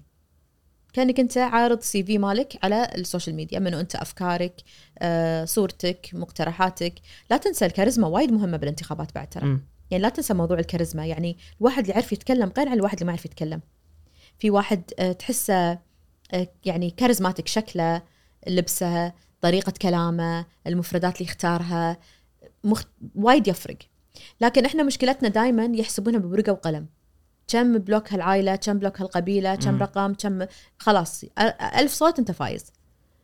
بس هي في بس إحنا إحنا ما نلعب على هالموضوع. يعني بالانتخابات المفروض المرشح ما يشتغل على فكرة كم صوت بيجيب لأن الانتماءات ال... إحنا ما نشتغل على الناس اللي already عارفين بيصوتون بالانتخابات حتى بأمريكا بكل العالم. أنت. حملتك تكون آه يعني آه موجهة للمحايدين. اللي ما حد يختار منه نفس أمي. يوم الانتخابات قبل صوتين حق تقول ما أدري والله بروح بشوف صدق ترى؟ صح. ما صدق بروح بشوف مرة أنا كنت وقتها مو بالكويت فدقيت عليها صوتي حق منو؟ ما علمك قلت لها صوتي حق منو يما؟ تقول واحد وايد زين عطوني. ورقته قبل أدش المقر وعنده آه، دكتوراه يعني تخصص ما بيقول راح. يعرفونه. آه، عنده تخصص كذي فحسيته وايد زين مع إنه وايد مختلف عن يعني اهتماماتها السياسية. لكن السي في ماله كان حلو اعطوها ورقة في السي في ماله عجبها وصوتت فإحنا الانتخابات الحملات الانتخابية حق فئة المحايدين اللي هم. عادة عادة يشكلون ثلث. ثلثها ما ثلث اللي يصوتون. عادة المحايد اللي كل مرة غير. مرة يصوت حق عادي إسلامي باكر يصوت حق ليبرالي آه اليوم يصوت حق فلان لأنه زين باكر يصوت حق واحد ثاني لأنه كل مرة غير عادي عنده ما عنده مشكلة. هذول الناس اللي الحملات الانتخابية تتوجه لهم. أما اللي مقرر وخالص وحسابات عائلية وه- هذول إحنا ما هذول ما مو حقهم الحملات. الحملات حق ال undecided اللي هم غير مح- المحايدين. أنا ودي آخذ break لأن ما شربتي. لا شاي ما لا ماي لا قهوة لا شيء يلا؟ شكرا. فدكتور أنتم بال بالدراسة ال- أو من من الدراسات اللي عملتوها انه آه، شلون الناس تستخدم أدوات التواصل الاجتماعي وشنو الأسباب أو الدوافع اللي من وراها؟ شنو اللي طلع معاكم؟ شنو أبرز هذه الأشياء؟ آه، شوف أبرز الأشياء هاي تتغير بين كل فترة وفترة okay؟ يعني آه، في مثلا في دراسة اللي 2019 اللي هي كانت عن آه، الآثار الاجتماعية والنفسية لاستخدام مواقع التواصل كان يبين إن أكثر سبب الناس تستخدم ال social media كان اللي هو تمضية الوقت. تمضية الوقت اللي هو entertainment أي شيء في entertainment تسلية. التسلية حلو؟ فإذا بتسألني عن شنو أكثر شيء الناس تستخدمه كان طلع يعني بالدراسة اللي هو التسوق الإلكتروني ال online shopping. لكن حط في بالك نقطة إن قلت لك مثل ما قلت لك من ساعة إن الناس ما تعترف شنو أكثر شيء هي تسوي. يعني ما راح إذا كان شيء مثلا يحرجها ما راح تقوله. انه مثلا هي شنو؟ مثلا أنا والله أكثر شيء أسويه إن أنا أحب أطالع صور الناس. بس إذا هذا الشيء يحسسني ب- يعني مو بقيمتي ما يمكن ما أقوله. لكن هذه النتيجة اللي كانت موجودة قدامنا اللي هو التسوق الإلكتروني كان أعلى شيء. وبعدين ال- ال- النقطة ال- الحلوة إن ثاني شيء ناس اعترفوا فيه ان هم أكثر شيء يسوونه اللي هو إعادة نشر التغريدات retweet يعني الواحد يعترف إن أنا ما أكتب تغريدة بنفسي أنا أحب أسوي retweet مم. وهذا يبين لك إن الواحد يعني ممكن مثل يمكن النقاش كنا نقوله قبل لا نطلع نسجل إن الواحد يحب يعيد نشر أو يعيد تعزيز الأفكار اللي هو يؤمن فيها أكثر من ما هو يعيد يكتب أو هو يفكر بشيء يكتبه. مم. يحب يسوي retweet يعني الإنسان. آه وال retweet أسهل من كتابة التغريدة نفسها. فوايد أسهل. آه بعدين عندنا آه اللي هو الإعجاب بصور الآخرين. هذه تعتبر من أكثر الأشياء إنه هو أسهل شيء حط like like like like ودائما ال like أو إعادة النشر ال retweet ترى هو مو شرط أنت مؤمن ترى مو بس إن أنت مؤمن بالفكرة هذه أو أنت صدق عاجبتك. هي إحنا نحس كأنه هو آه، نوع من الضغط الاجتماعي إن أنا لازم أعجب بصورتك. أحط لك like. هو ونوع من بناء ال social capital مالي أو اللي هو الرأس مال الاجتماعي مالي. أنا شلون أبني رأس مالي الاجتماعي؟ إنه يكون عندي وايد معارف ووايد ناس يتابعوني ويحطوا لي لايكات.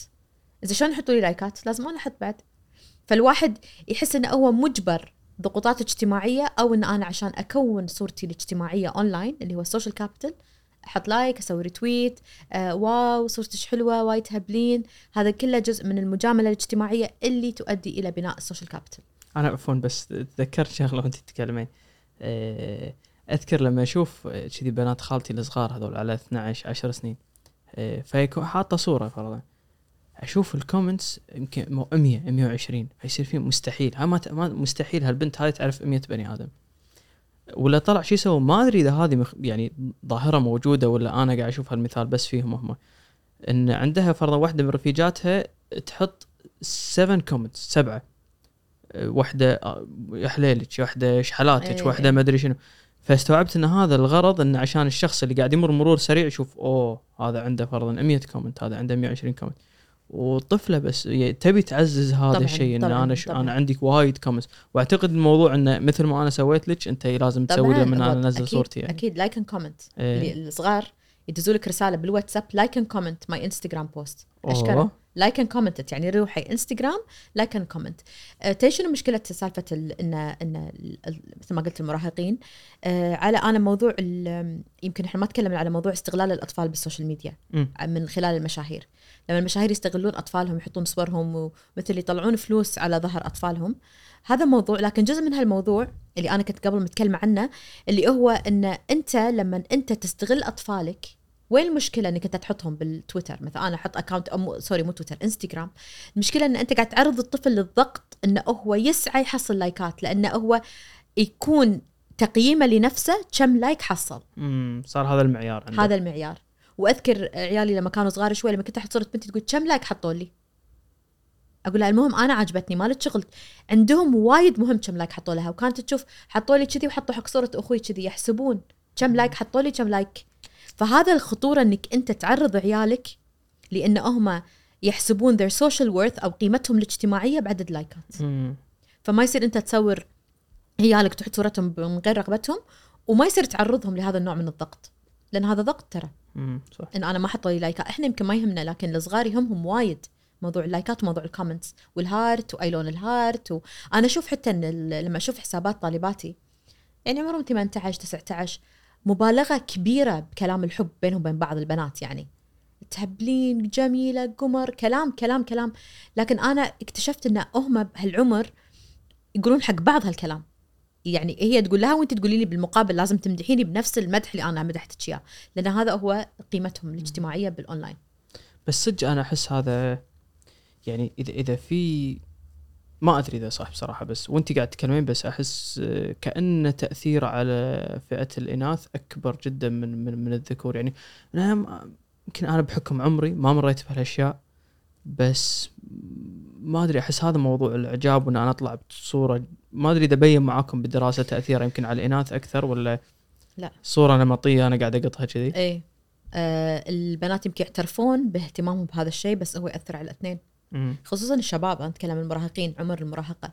بالعكس عندك الشباب يعني يكون أكثر حريص على صورته باونلاين شيليها الحين إذا مو عاجبته يقول حق أمه. الحين لا تصوري لي.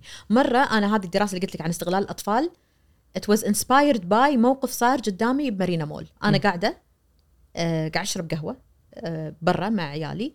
اللي أشوف أم وولدها ول- ولدها كبر كبر عمر ولدي. يعني كان أقول خم 13 12 سنة. قاعد مع أمه وهو مغطي وجهه بالورقة مالت ال- المطعم بليس مات. بس بس ماما لا تصوريني. والأم قاعدة تبي تصوره وهي قاعدة وياه. وهو مغطي وجهه تخيل ماخذ الورقه مغطي وجهه لا تصوريني. ويغطي وجهه ويلف وقال لها الحين بقوم. فهذا الموقف قاعدة طالعة قاعدة أقول شلون أم تضغط على ولدها؟ مع إنه شيء حلو أنا ودي أصور عيالي كل واحد بيصور عياله. بس ما يصير تضغطه وتقصبه يمكن هو يومها مو عاجبه شكله. يمكن هو يومه حاسب بعدم الرضا عن الذات. يمكن أنت ليش تقصبينه وتجبرينه؟ ويدري هي بتحطها. هو ليش رافض لأنه يدري بتحط الصورة. فالموقف هذا وايد أثر علي رجعت البيت وكتبت الدراسة على موضوع استغلال الأطفال بال social media وإنه غلط وإنه استغلال الأطفال هذا صار تجارة. خصوصا أنا كنت أتكلم عن المشاهير وأتكلم عن الأمهات العاديين اللي هي تبني قيمتها الاجتماعية بناء على إنجازات عيالها. فهي مو حاطة لأن هي مفتخرة بولدها.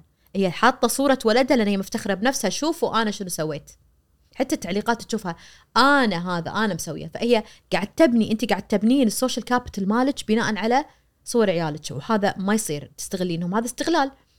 وأيضا إنك أنت تعرض طفلك هو ما يبي هو يبي هاي شيء ثاني. بس هو ما يبي وأنت تجبره تصوره وتحطه ما يصير. قاعد هاي ضغط نفسي. هذا الضغط النفسي هذا الض... هذه ليش أنا أسوي دراسات عن الآثار النفسية؟ لأن أنت قاعد قاعد تأثرون عليهم وأنتم ما تدرون.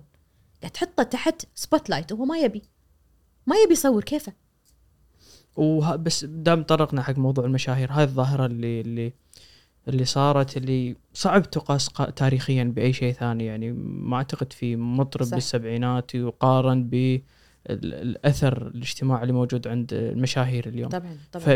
فعلميا شلون قاعد تشوفون هالقضية هذه؟ شوف أنا بقسم لك الموضوع إلى جزئين. جزئية التسويق وجزئية ال- الآثار الاجتماعية. التسويق إحنا ما أعتقد أحد يقدر ينكر دورهم في التسويق. واصلا آه، يعني اقتصاديا ساهموا في زيادة مبيعات المنتجات خصوصا المنتجات الصغيرة مثل المكياج اللي ما تتخذ ما ما تتطلب آه، اتخاذ قرار كبير. يعني شيء بعشر دنانير مو نفس لما شيء سيارة يعني. فهم أكثر شيء يسوقون الأشياء الصغيرة أكثر شيء.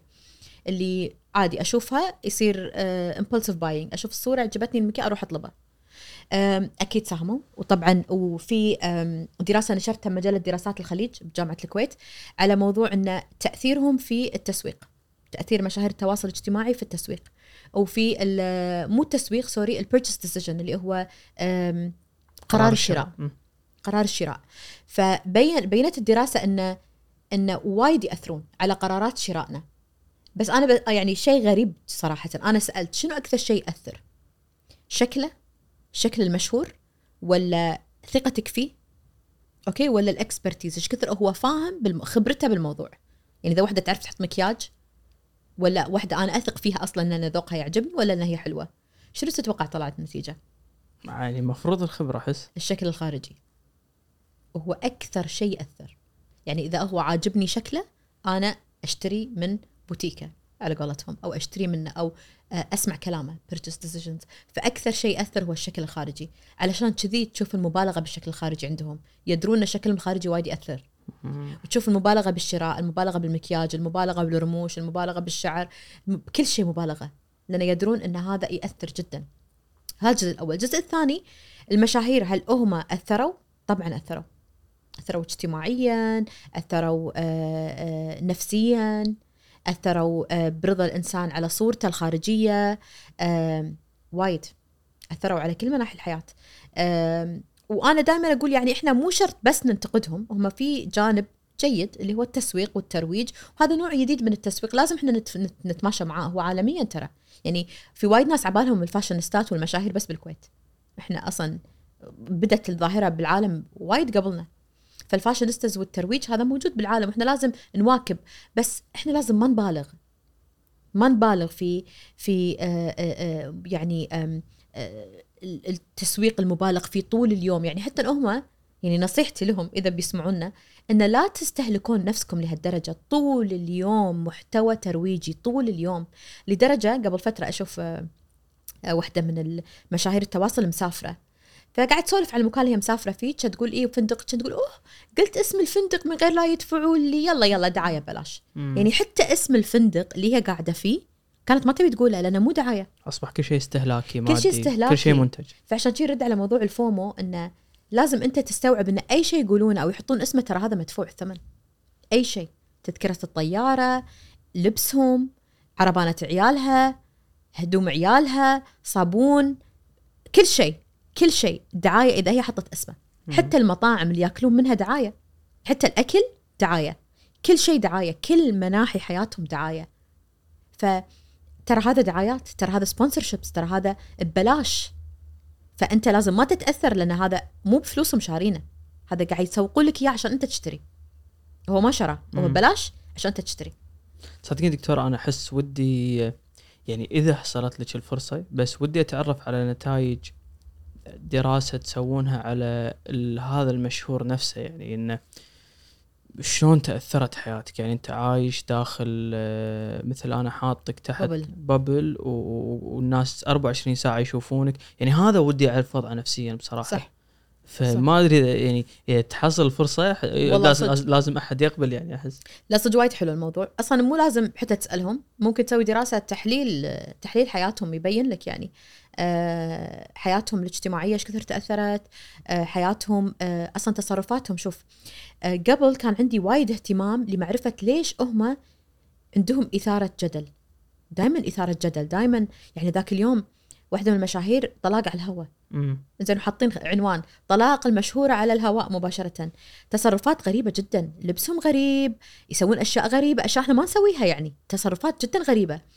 بعدين اكتشفت أن فعلا هذا أثر بدأ يطلع بأمريكا بدأوا يدرسونه علميا ها؟ اللي يسمونه الخوف من عدم إيجاد محتوى. يصير عندهم حالة مثل فوبيا تخيل ها؟ فوبيا أن أنا أفقد محتواي. أفقد متابعيني. اليوم ما يحطوا لي لايكات شو أسوي؟ فتشوفهم إذا يوم ما عنده شيء يسوي له شيء. مرات شيء حتى سلبي يحط وانت بكرامة كلب بحمام سباحة يغرقه ما يش... أشياء يعني مو منطقية مو منطقي.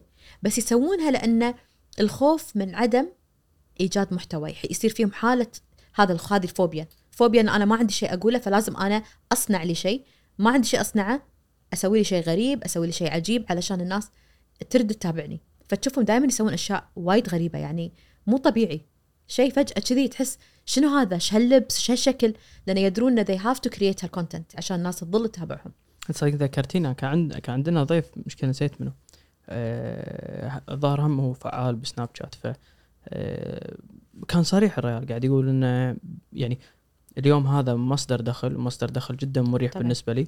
بس يقول آه، نفسيا أصبح مثل الهم إن أنا كل يوم لما أحط راسي على المخدة بي أنام على طول أفكر أنا باكر شنو المحتوى اللي. بعرضه بالضبط يعني من الناس أعتقد يعني حتى تصدقين والله وعيتيني على شغلة يعني اليوم حتى يمكن هني يعود السبب بعد ترى حتى على المنصات هذه. يعني أنا اليوم أدري يوتيوب آه، يعني دائما أقول يوتيوب إذا حبك يعني اليوم من من الخبرة اللي عندنا إياها البسيطة سنة ونص تقريبا بس في شيء صدق الخوارزم الخوارزميات بيوتيوب إذا حبتك ان انه ومن شلون تحبك؟ إن أنت تغذينها إن أنت ما تنقطعين عنها. إن أنا فرضا بالأسبوع لازم عندي حلقة. آه هذا مو بس عشان المشاهد بس. حتى عشان الخوارزميات. فحتى هذه المنصات الخوارزميات اللي فيها تفرض عليك هذا الشيء انه إذا أنت انقطعتي لا تعتقدين دكتورة إذا أنا اليوم قاعد أصعد الكونتنت مالك تنقطعين عني أسبوعين لا تعتقدين إن أنا برد أحطه نفس المكان. فممكن هذا حتى يجرني حق سؤال ثاني إن اليوم منو الملام في هل كل هالأمور السيئه اللي قاعد تصير؟ يعني هل بوجهة نظرك هي المنصات هو المشاهد هو الشخص المؤثر آه، الشركات المعلنة اللي قاعد تغذي هذا المشهد كله؟ يعني اليوم لولا هذه الشركات اللي قاعد تدفع فلوس عشان تعرض منتجاتها آه، أساسا هذا ما, ما أعتقد كان له وجود صح. لا لا مشاهير ولا منصات. صح. آه، أنا ما أحب أقسي وايد على المشاهير. حتى لو يمكن ما يعجبني المحتوى اللي يحطونه أنا ما أقسي وايد عليهم لأنه هو اختيارك. أنت it's يعني selective exposure يعني أنت اختيار التعرض الانتقائي. أنت تختار من تتابع. إذا واحد مو عاجبك لا تتابعه. واحد تصرفاته ما تعجبني ما ما أتابعه. لكن مو معناته أنا ما أتابعه يعني هو ما عليه ما عنده تأثير سلبي على المجتمع. لا عنده تأثير سلبي على المجتمع. لكن خلينا بس يعني نحطها في صياغ انه إن هم حتى إن هم مو فاهمين اللي قاعد يصير. مم. فهمت؟ وطبيعي شيء جديد جديد علينا كلنا يعني. يعني جديد علينا كلنا. الثراء الانستنت هذا السريع المصدر مصدر دخل جديد. أه تخيل يقولوا لك راح تطلع فلوس إذا شربت ماي من ماركة معينة راح تطلع فلوس إذا لبستي كذي راح تطلعين فلوس إذا ركبتي هالسياره أعطيك سيارة ببلاش روحي سوقيها بسافرك بوديك ما أدري وين سوي لي دعاية على الفندق. يعني ترى هذا شيء وايد كبير يعني. صعب أحد ف... يقولها لا بعد. بالضبط exactly لكن انت قاعد تسألني منو الملام؟ مو من الملام انا خلينا خلينا نعيد صياغه السؤال الدور على منو؟ الدور عليك انت على المشاهد نفسه أو على المستخدم نفسه حتى حق الأطفال حق انت دورك انت تكون واعي. ما ما يعني لا تقولي الدولة أنا ترى ضد قوانين حطوا لهم قوانين منعوهم. لا لا لا لا لأن ما تقدر تمنعهم. جانب تشريعي ما ما, ما تشوفين لا لازمة بهالظروف اللي إحنا فيها. بتمنع منو ولا منو؟ هو فضاء. بس هو اسمه فضاء إلكتروني. فضاء صح؟ تمنع منه. بس أفهم دكتورة يعني أعتقد في مرة من المرات اللي صارت هذه الظاهرة أيضا أه تروج لأدوية. فهني صار صار أعتقد صارت في مشكلة عودة يعني. بس هل منعوا الأدوية؟ بس هذه الحبوب اللي بس يسمونها أنا بديل التكميم. حلو منعوا بس هل منع وقفت الإعلانات؟ لا قاعد تطلع لي. بس هني هني المفروض يكون في جانب تشريع إن أنت إيه؟ اليوم على الأقل في جانب الأدوية أنا ما ما أمنع كل شيء بس جانب الأدوية آه، ما مو أي أحد إذا كان. مشهور كويتي ويحط لك إعلان الأدوية اللي أنت ما تبيه وهو مثلا برا الكويت. شلون بت شلون بتغير يقول أنا مو داخل الكويت. فهمت قصدي؟ هو أنا أكيد معاك. أكيد أنا ودي نمنع الإعلانات الغلط ولمنا ودي أنا تدري أنا شنو ودي؟ الم... يعني جانب تشريعي بس الشغلة الوحيدة اللي ودي نسويها لو بيدنا إنه ما يصير يحط إعلان من غير لا يقول هذا إعلان. ما يصير أنت تسوقين حق شيء ما تكتبين sponsored content ترى المشاهير بأمريكا لاحظهم. من كيم كرداشيان لأصغر واحد. لما يكون شيء sponsored يكتب sponsored content أصلا نحط لك hashtag sponsored هذا جانب أخلاقي يعني أكثر. جانب أخلاقي بالضبط. جانب أخلاقي. في وحدة مشهورة إيطالية لما تعدل صورتها فوتوشوب تكتب hashtag photoshopped ترى هذا مو جسمي. ترى هذا مو وجهي. ترى هذا مو وجهي الكثر صافي. لازم أنت تقول تكون تكون عندك جانب أخلاقي حس أخلاقي. فأنا ودي إنه ما يصير إعلان من غير لا تذكر إنه هو إعلان. هذا المفروض يعني إنك أنت تبين لي هذا إعلان. حتى الحين هابين بالجرايد يحطون إعلانات مدفوعة الثمن وما يقولون إعلان. خبر مدفوع الثمن بس هو إعلان. هو مثلا فلان الفلاني وتشوفهم بالخدمات الإخبارية بعد. فلان الفلاني ما قصر ما شنو. تمنياتنا لا إنه بينزل انتخابات. زين دافع فلوس هو ترى مو ببلاش أنت مادحة. بس ما يقول لك. فأنت يصير عندك رأي عام غير حقيقي إن هذا صدق زين هو دافع فلوس عشان يقول عنه زين. آه لكن موضوعك على موضوع منو مسؤوليه منو مسؤولية المتلقي أو المستخدم؟ أنت لازم يكون عندك وعي لازم يكون عندك آه آه أول شيء آه يسمونه تربية إعلامية. إنزين إنك أنت تترب تربي عيالك طبعا وأنت تحاول تعزز التربية الإعلامية في ذاتك إنك أنت تقدر تميز. شنو المحتوى الحقيقي؟ شنو أذكر نفسي؟ لا هذا مدفوع لا هذا مو صدق جسمها لا هذا انستغرام perfect picture مو هذا فهمت؟ يعني في أشياء لازم أنت على طول تذكر نفسك إن هذا ترى مو واقع ومو حقيقي. لما أنت تي عندك يصير في كلنا نمر فيها. انخفاض الرضا عن الذات. لا ابي العب رياضة أكثر لا ما أدري شنو. ذكر نفسك إن اللي أنت قاعد تشوفه وال standards اللي قاعد تشوفها هذه هذه مو حقيقية. هذه picture perfect هذه فوتوشوب معدل معدلة خصرها معدلة بطنها معدلة ما أدري شنو علشان تطلع بهالصورة هذه. فأنت لازم دائما يكون عندك وعي إن آه إنك أنت تكون راضي عن نفسك. أول شيء تعزز أصلا ثقتك بنفسك وتعزز رضاك عن ذاتك وأيضا يكون عندك وعي إن هذا مو الواقع. هذا الواقع المعزز الواقع اللي تم آه، تحسينه عشان انت تشوفه. ما حد بيصور نفسه وهو بصورة مو حلوة. أنت أنا أنا إنسانة عادية. لما بحط صورة أختار أحلى صورة. أختار أكثر صورة شكلي أضعف فيها. أختار الزاوية الحلوة أختار الإضاءة الحلوة أختار الصورة اللي شعري طالع حلو. هذا أنا وأنا عادية. فما بالك أنا ممثلة ولا تحت ال spotlight صح. عندي فريق يصورني فريق يعدل صوري وفريق يختار لي أحسن صورة وفريق ي- يسوون airbrushing على الصورة. مم. غير ما قلنا موضوع مهم. بتخلص حلقتها ما قلنا أهم موضوع. ال filters. كم filter و filter موجود؟ هل هذا الواقع؟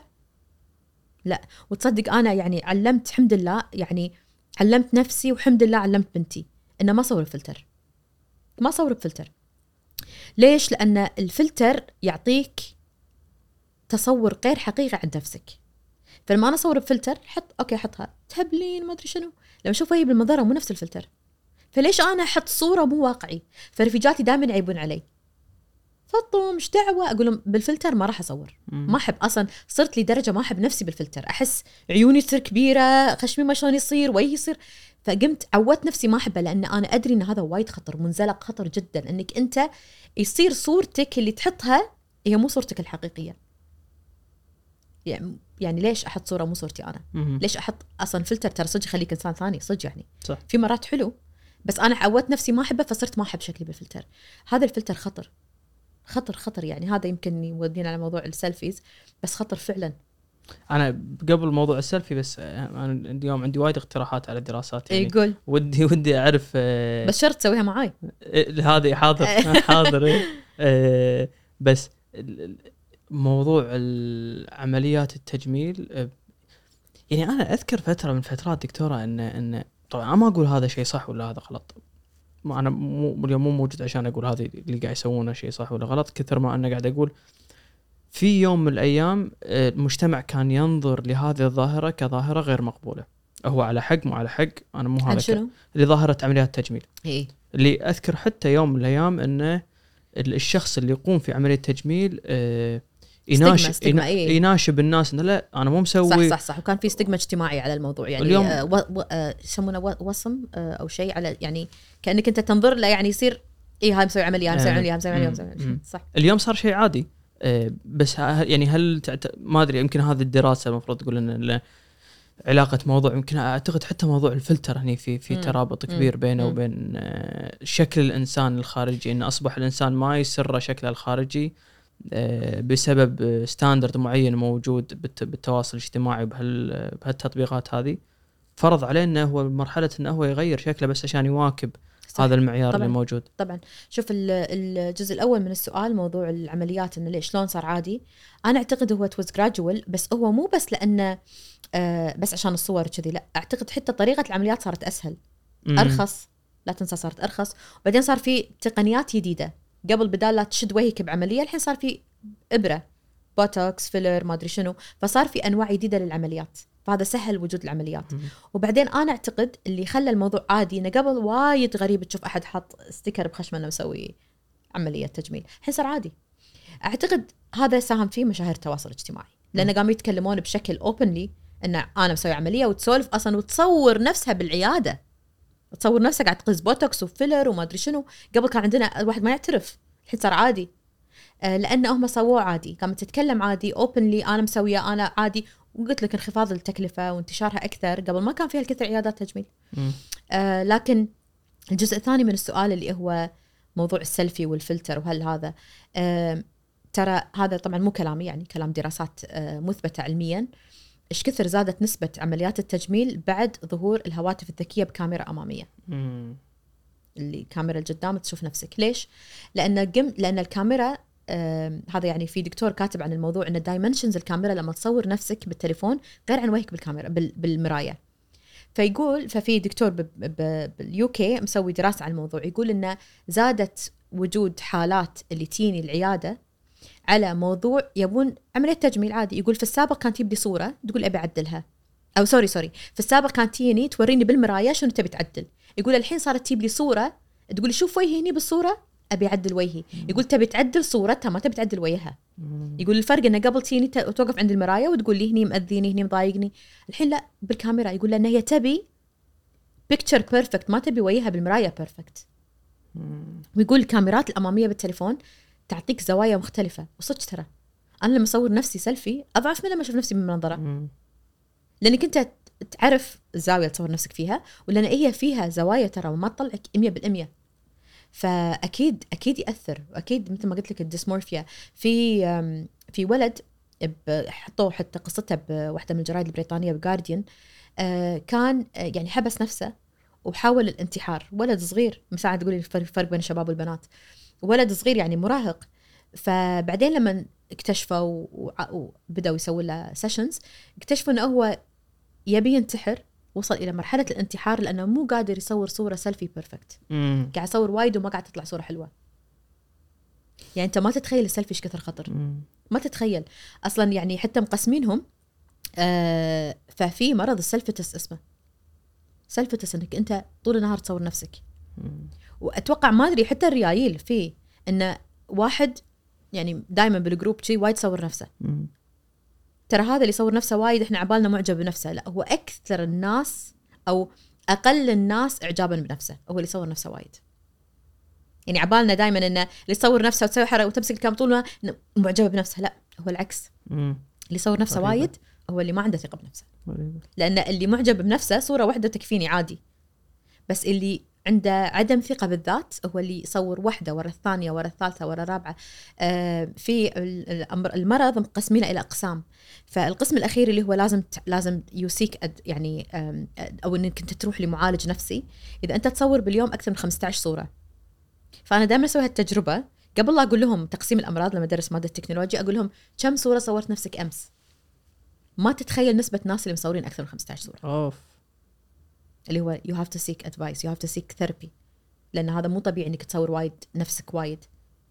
إن طول الوقت تصور نفسك طول الوقت بس أصور وجهي طول الوقت طول الوقت. لما أصير هو ليش تصور نفسك وايد؟ ليش؟ يعني أنا لابسه اللبس قاعدة بسيارة أصور نفسي 100 صورة. ليش؟ لأن تبي تصير الصورة الصح. لأن أنت مو راضي عن الصورة الأولى.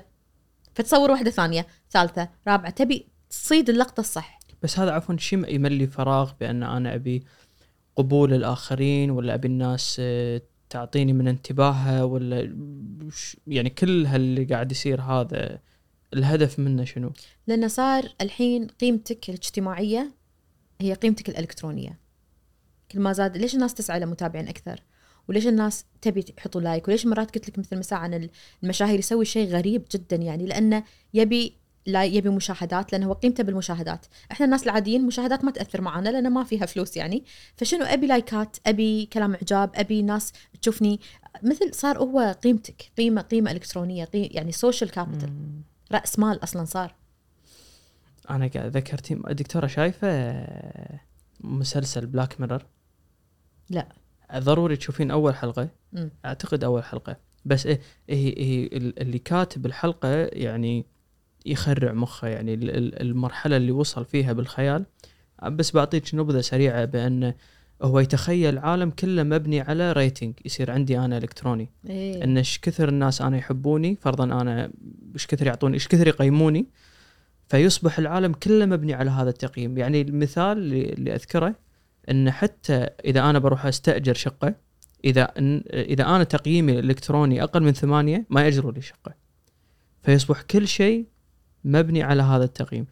وأفكر إنه معقولة يمكن يمكن يوم من الأيام إحنا نروح انه هذا هذا هذا هذا الكريديبيلتي مالي إن أنا ترى وصلنا للمرحلة هذه. أقول لك شلون. آه كنت مسافرة قبل فترة. آه عادي أقول وين يعني؟ عادي. اي أكيد إيه. كنت مس... كنت رايحة الساحل الشمالي بمصر. مم. ف والمطاعم مرتبة كل ما أبي أحجز مطعم تدز تقول لي okay بدز الحين بالواتساب بعض المعلومات المطلوبة اسمك واسم زوجك وما أدري شنو. لا تقولين اللي حاط لا لا بالإنستغرام. لا لا لا, لا. فواحد من المطاعم ما رضت تحجز لأن account ي private قلت لها account ي private قالت لا لازم تفتحين عشان أشوف. قلت لها account ي private private pictures ما أبي أحد يشوف الصور. أوف. إنزين؟ آه هذه المرحله اليوم الأول. اليوم الثاني جيت بحجز. كان تقول لي account ك و account زوجك تويتر وإنستغرام وفيسبوك. قلت لها ما عندنا فيسبوك. قالت إنستغرام وتويتر. كل مطعم طلعت هذه حالة عادية فسكت. وواقع لازم تقبلين يعني ولا يعني ك- هو لازم تحط لهم ما, ما يحجزون لك. المهم ثالث يوم كان اعصب كان أقول لها message طبعا ما يعني شو أقول يعني؟ دزيت لها message قلت لها ودي أفهم how is my Instagram يعني any value حق الحجز بالمطعم. أنا أبي باكل بمطعم وبمشي. شنو علاقتك بانستغرامي ودي أفهم. لا هذا criteria إحنا ماشيين عليها هذا آه، متطلبات كل مطاعم الساحل كذي. صدق؟ يبون ليش يبون يشوفون الانستغرام تتوقع؟ ما يبون يشوف يبون يشوفون مستواك شنو دخلك ما دخلك. موجود هذا الشيء موجود التقييم. آه بعدين عندك اوبر أنت قاعد تقول عن التقييم للشقه صح. اوبر يقيمك. صح. وفي آه في اوبر يرفضك إذا تقييمك نازل. صح. ما يبيك. فهذا بدينا ندش بموضوع التقييم. بدينا ندش. قبل كنا نقيم مطاعم. تذكر كان في تقييم مطاعم وكذي. الحين لا الحين حتى الأفراد اوبر يقيمك. المطعم يقيمك. دزيني انستغرامك. ليش تبين انستغرامي هني أعتقد جانب تشريع يعني. المفروض هني يعني جانب تشريع إنه ما يصير أنت كمطعم تطلب من الناس هالشغلة هذه يعني. شفت شلون؟ بس هني وأفهم الحين إنه شلون ممكن أتحايل لأنه ما, ما عندي حجز مو شو أسوي لك يعني؟ private account ك قالت لازم. تفتحين عشان يعني متخيل؟ فلا يعني غريب. أقول لك لما ثالث يوم يلا بديت يلا قد تجرأت آه، كتبت لها فقرة قلت لها ليش it's important أصلا؟ وليش تبين تشوفين شكلي؟ بعدين اكتشفت للأسف للأسف الشديد طبعا مو بس هالمطعم أكثر من مطعم آه كانوا يتشيكون على موضوع الحجاب.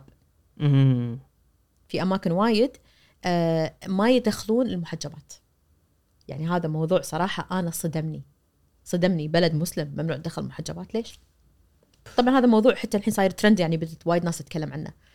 بمصر على موضوع إنه في مطاعم معينة ما تدخل محجبات. متخيل؟ ما أدري. ما أحس- تبي تقص هالجزئية من- لا لا لا لا لا لا, لا لا بالعكس ما مشكلة. فيعني شيء غريب صراحة مع إن أنا يعني مو متحجبة لكن أنا دافع عن حق الإنسان باختيار لبسه. ليش انت تمنع وحدة متحجبتي تاكل مطعمك. ليش؟ غريب يعني وايد غريب. فلما كنت أسولف مع رفيجاتي والله العظيم ذاك اليوم هم يعني مجموعة من رفيجاتي قاعد تقول إنه لما رجعت من الساحل شلون الساحل شلون الساحل فتقول أنا رفيجتي متحجبة. تقول قالوا لا تروحين ما تنفع حق محجبات لأن وايد مطاعم ما يدخلون محجبات. واللي يحز إنه مديره مسلمة يعني, يعني واصل لها موضوع إنه ما يدخلون محجبات. زين ليش؟ شنو علاقة الحجاب بالموضوع؟ ف يعني فهو موضوع ال- التقييم يقيمونك على شكلك. طبعا يقيمونك على شكلك. ويقيمونك على مو شكلك قصدي شكلك بال social media يقيمون account ك بال social media. طبعا. أنا أعتقد ودي أختم بسؤال دكتوره أعتقد أهم سؤال اليوم إنه هل من الممكن إن إحنا قاعد نبالغ بتأثير بالتواصل الاجتماعي؟ يعني أكيد الجرايد يوم دشت كان لها أثر التلفزيون يوم دش كان له أثر على سلوكنا على شلون نشوف. الأشياء. فممكن هذا مرحلة تأقلم يعني مثل ما تأقلمنا على التلفزيون تأقلمنا على الجرايد تأقلمنا على كل هال صح. الادوات الإعلامية هذه هذه مرحلة ممكن تأقلم عليها وما تحتاج المبالغة اللي اللي قاعد تطلع بالصورة اللي هي فيه يعني راح نتأقلم وراح مثل ما نقول انه كان زين ترد أيام التلفزيون راح نقول كان زين ترد أيام ال social media لأن راح ندش بالميتافيرس وال... والواقع المدمج هذا إن نلعب رياضة وإحنا قاعدين بالصالة. يعني راح يصير إنك أنت تشوف آه، ال- الحياة بدل لا تعيشها بالتليفون فأعتقد راح يصير يعني راح راح نقول ولا على هالأيام مثل ما إحنا. قاعد نتكلم على الأيام قبل. آه، لكن هل هو تأثيره كبير؟ طبعا تأثيره كبير. هل غيرنا؟ وايد غيرنا. بس الفرق ما بينه وبين التلفزيون انه كان التلفزيون عندك يعني ترى لما هم طلع التلفزيون كانت ناس مصدومة وتأثيره بس كان عندك خيار إنك أنت مو لازم تشوفه أو ال- المحتوى أنت ما تختاره اللي يطلع لك وتسكر التلفزيون ينتهي.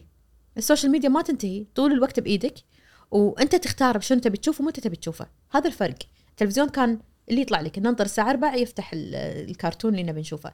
الحين الياهل ما ينطر الساعة 4 الياهل عنده الكرتون يبي يشوفه طول النهار. للحلقه الأخيرة.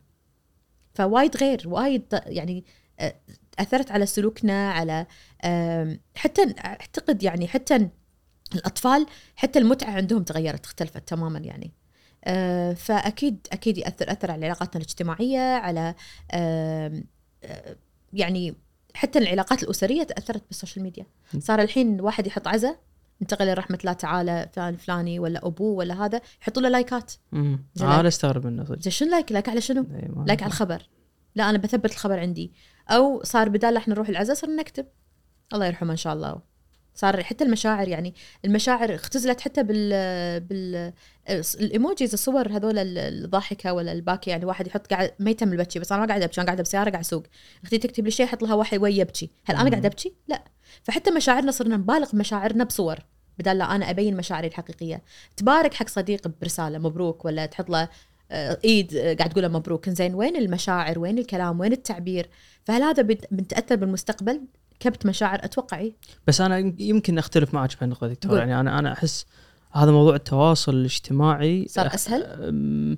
أحس أه، خلاني يعني أدري في علاقات معينة. لولا وجود التواصل الاجتماعي لانتهت أو أو يعني فرضا يعني قيسها حتى اللي راح درس فرضا بمكان برا الكويت ورد أه، خصوصا الناس اللي مو من الكويت بعد. مم.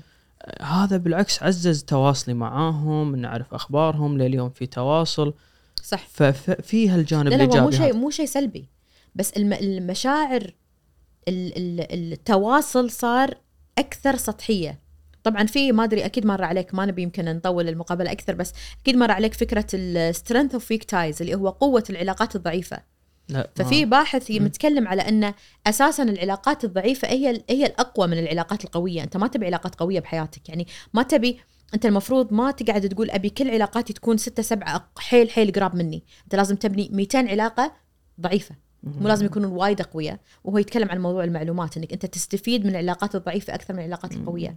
ليش يرجع لموضوعنا أن العلاقات الضعيفة هم ناس آه، قصدي القوية اللي محاطين فيك هم ناس مشابهين لك أصلا ما راح تستفيد منهم شيء.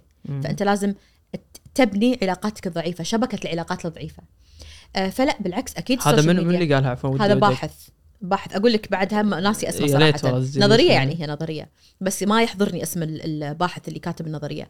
آه، نظرية قديمة بس ردوا وقالوها الحين مع ال social media وما وانت مثلا مثل فكرة إنه لا عندي علاقه صح عندك علاقات ضعيفة وايد بس علاقاتنا الأسرية بدأت تختزل برسالة ب message video call يعني صار أسهل من إن أنا أروح صار أحس يعني ما أدري أنا لأن أحب حياتنا اللي قبل.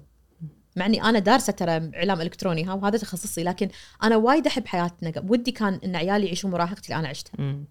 ندور سنافر وكنا بس بسطاء جدا بس يعني. أحس هذا كل جيل يقولها حق الجيل صح هو صح. يعني. ترى يعني أنا كاتبة شيء بس ما نشرته على موضوع كنت كنت متكلمة على موضوع جيل الطيبين إنه هل هو بس fantasy إحنا عايشينها ولا نوستالجيا. إيه يعني لا إيه نستالجيا الماضي. هل إحنا هي سلسلة fantasy إن إحنا مولهانين على الماضي صج ولا هو أساسا تغير الماضي؟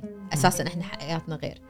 أدز لك إياها ودي رأيك فيها لأن تتكلم عن هالموضوع. لكن لا يمكن لأن أنا أحب حياتنا البسيطة. أه ولكن لا أنا ما أتكلم عن ال social media بس بشكل سلبي لا بالعكس أكيد قوت علاقاتنا الضعيفه صار عندي وايد علاقات معارف. لو ما ال social media ما التقيت فيك مثلا.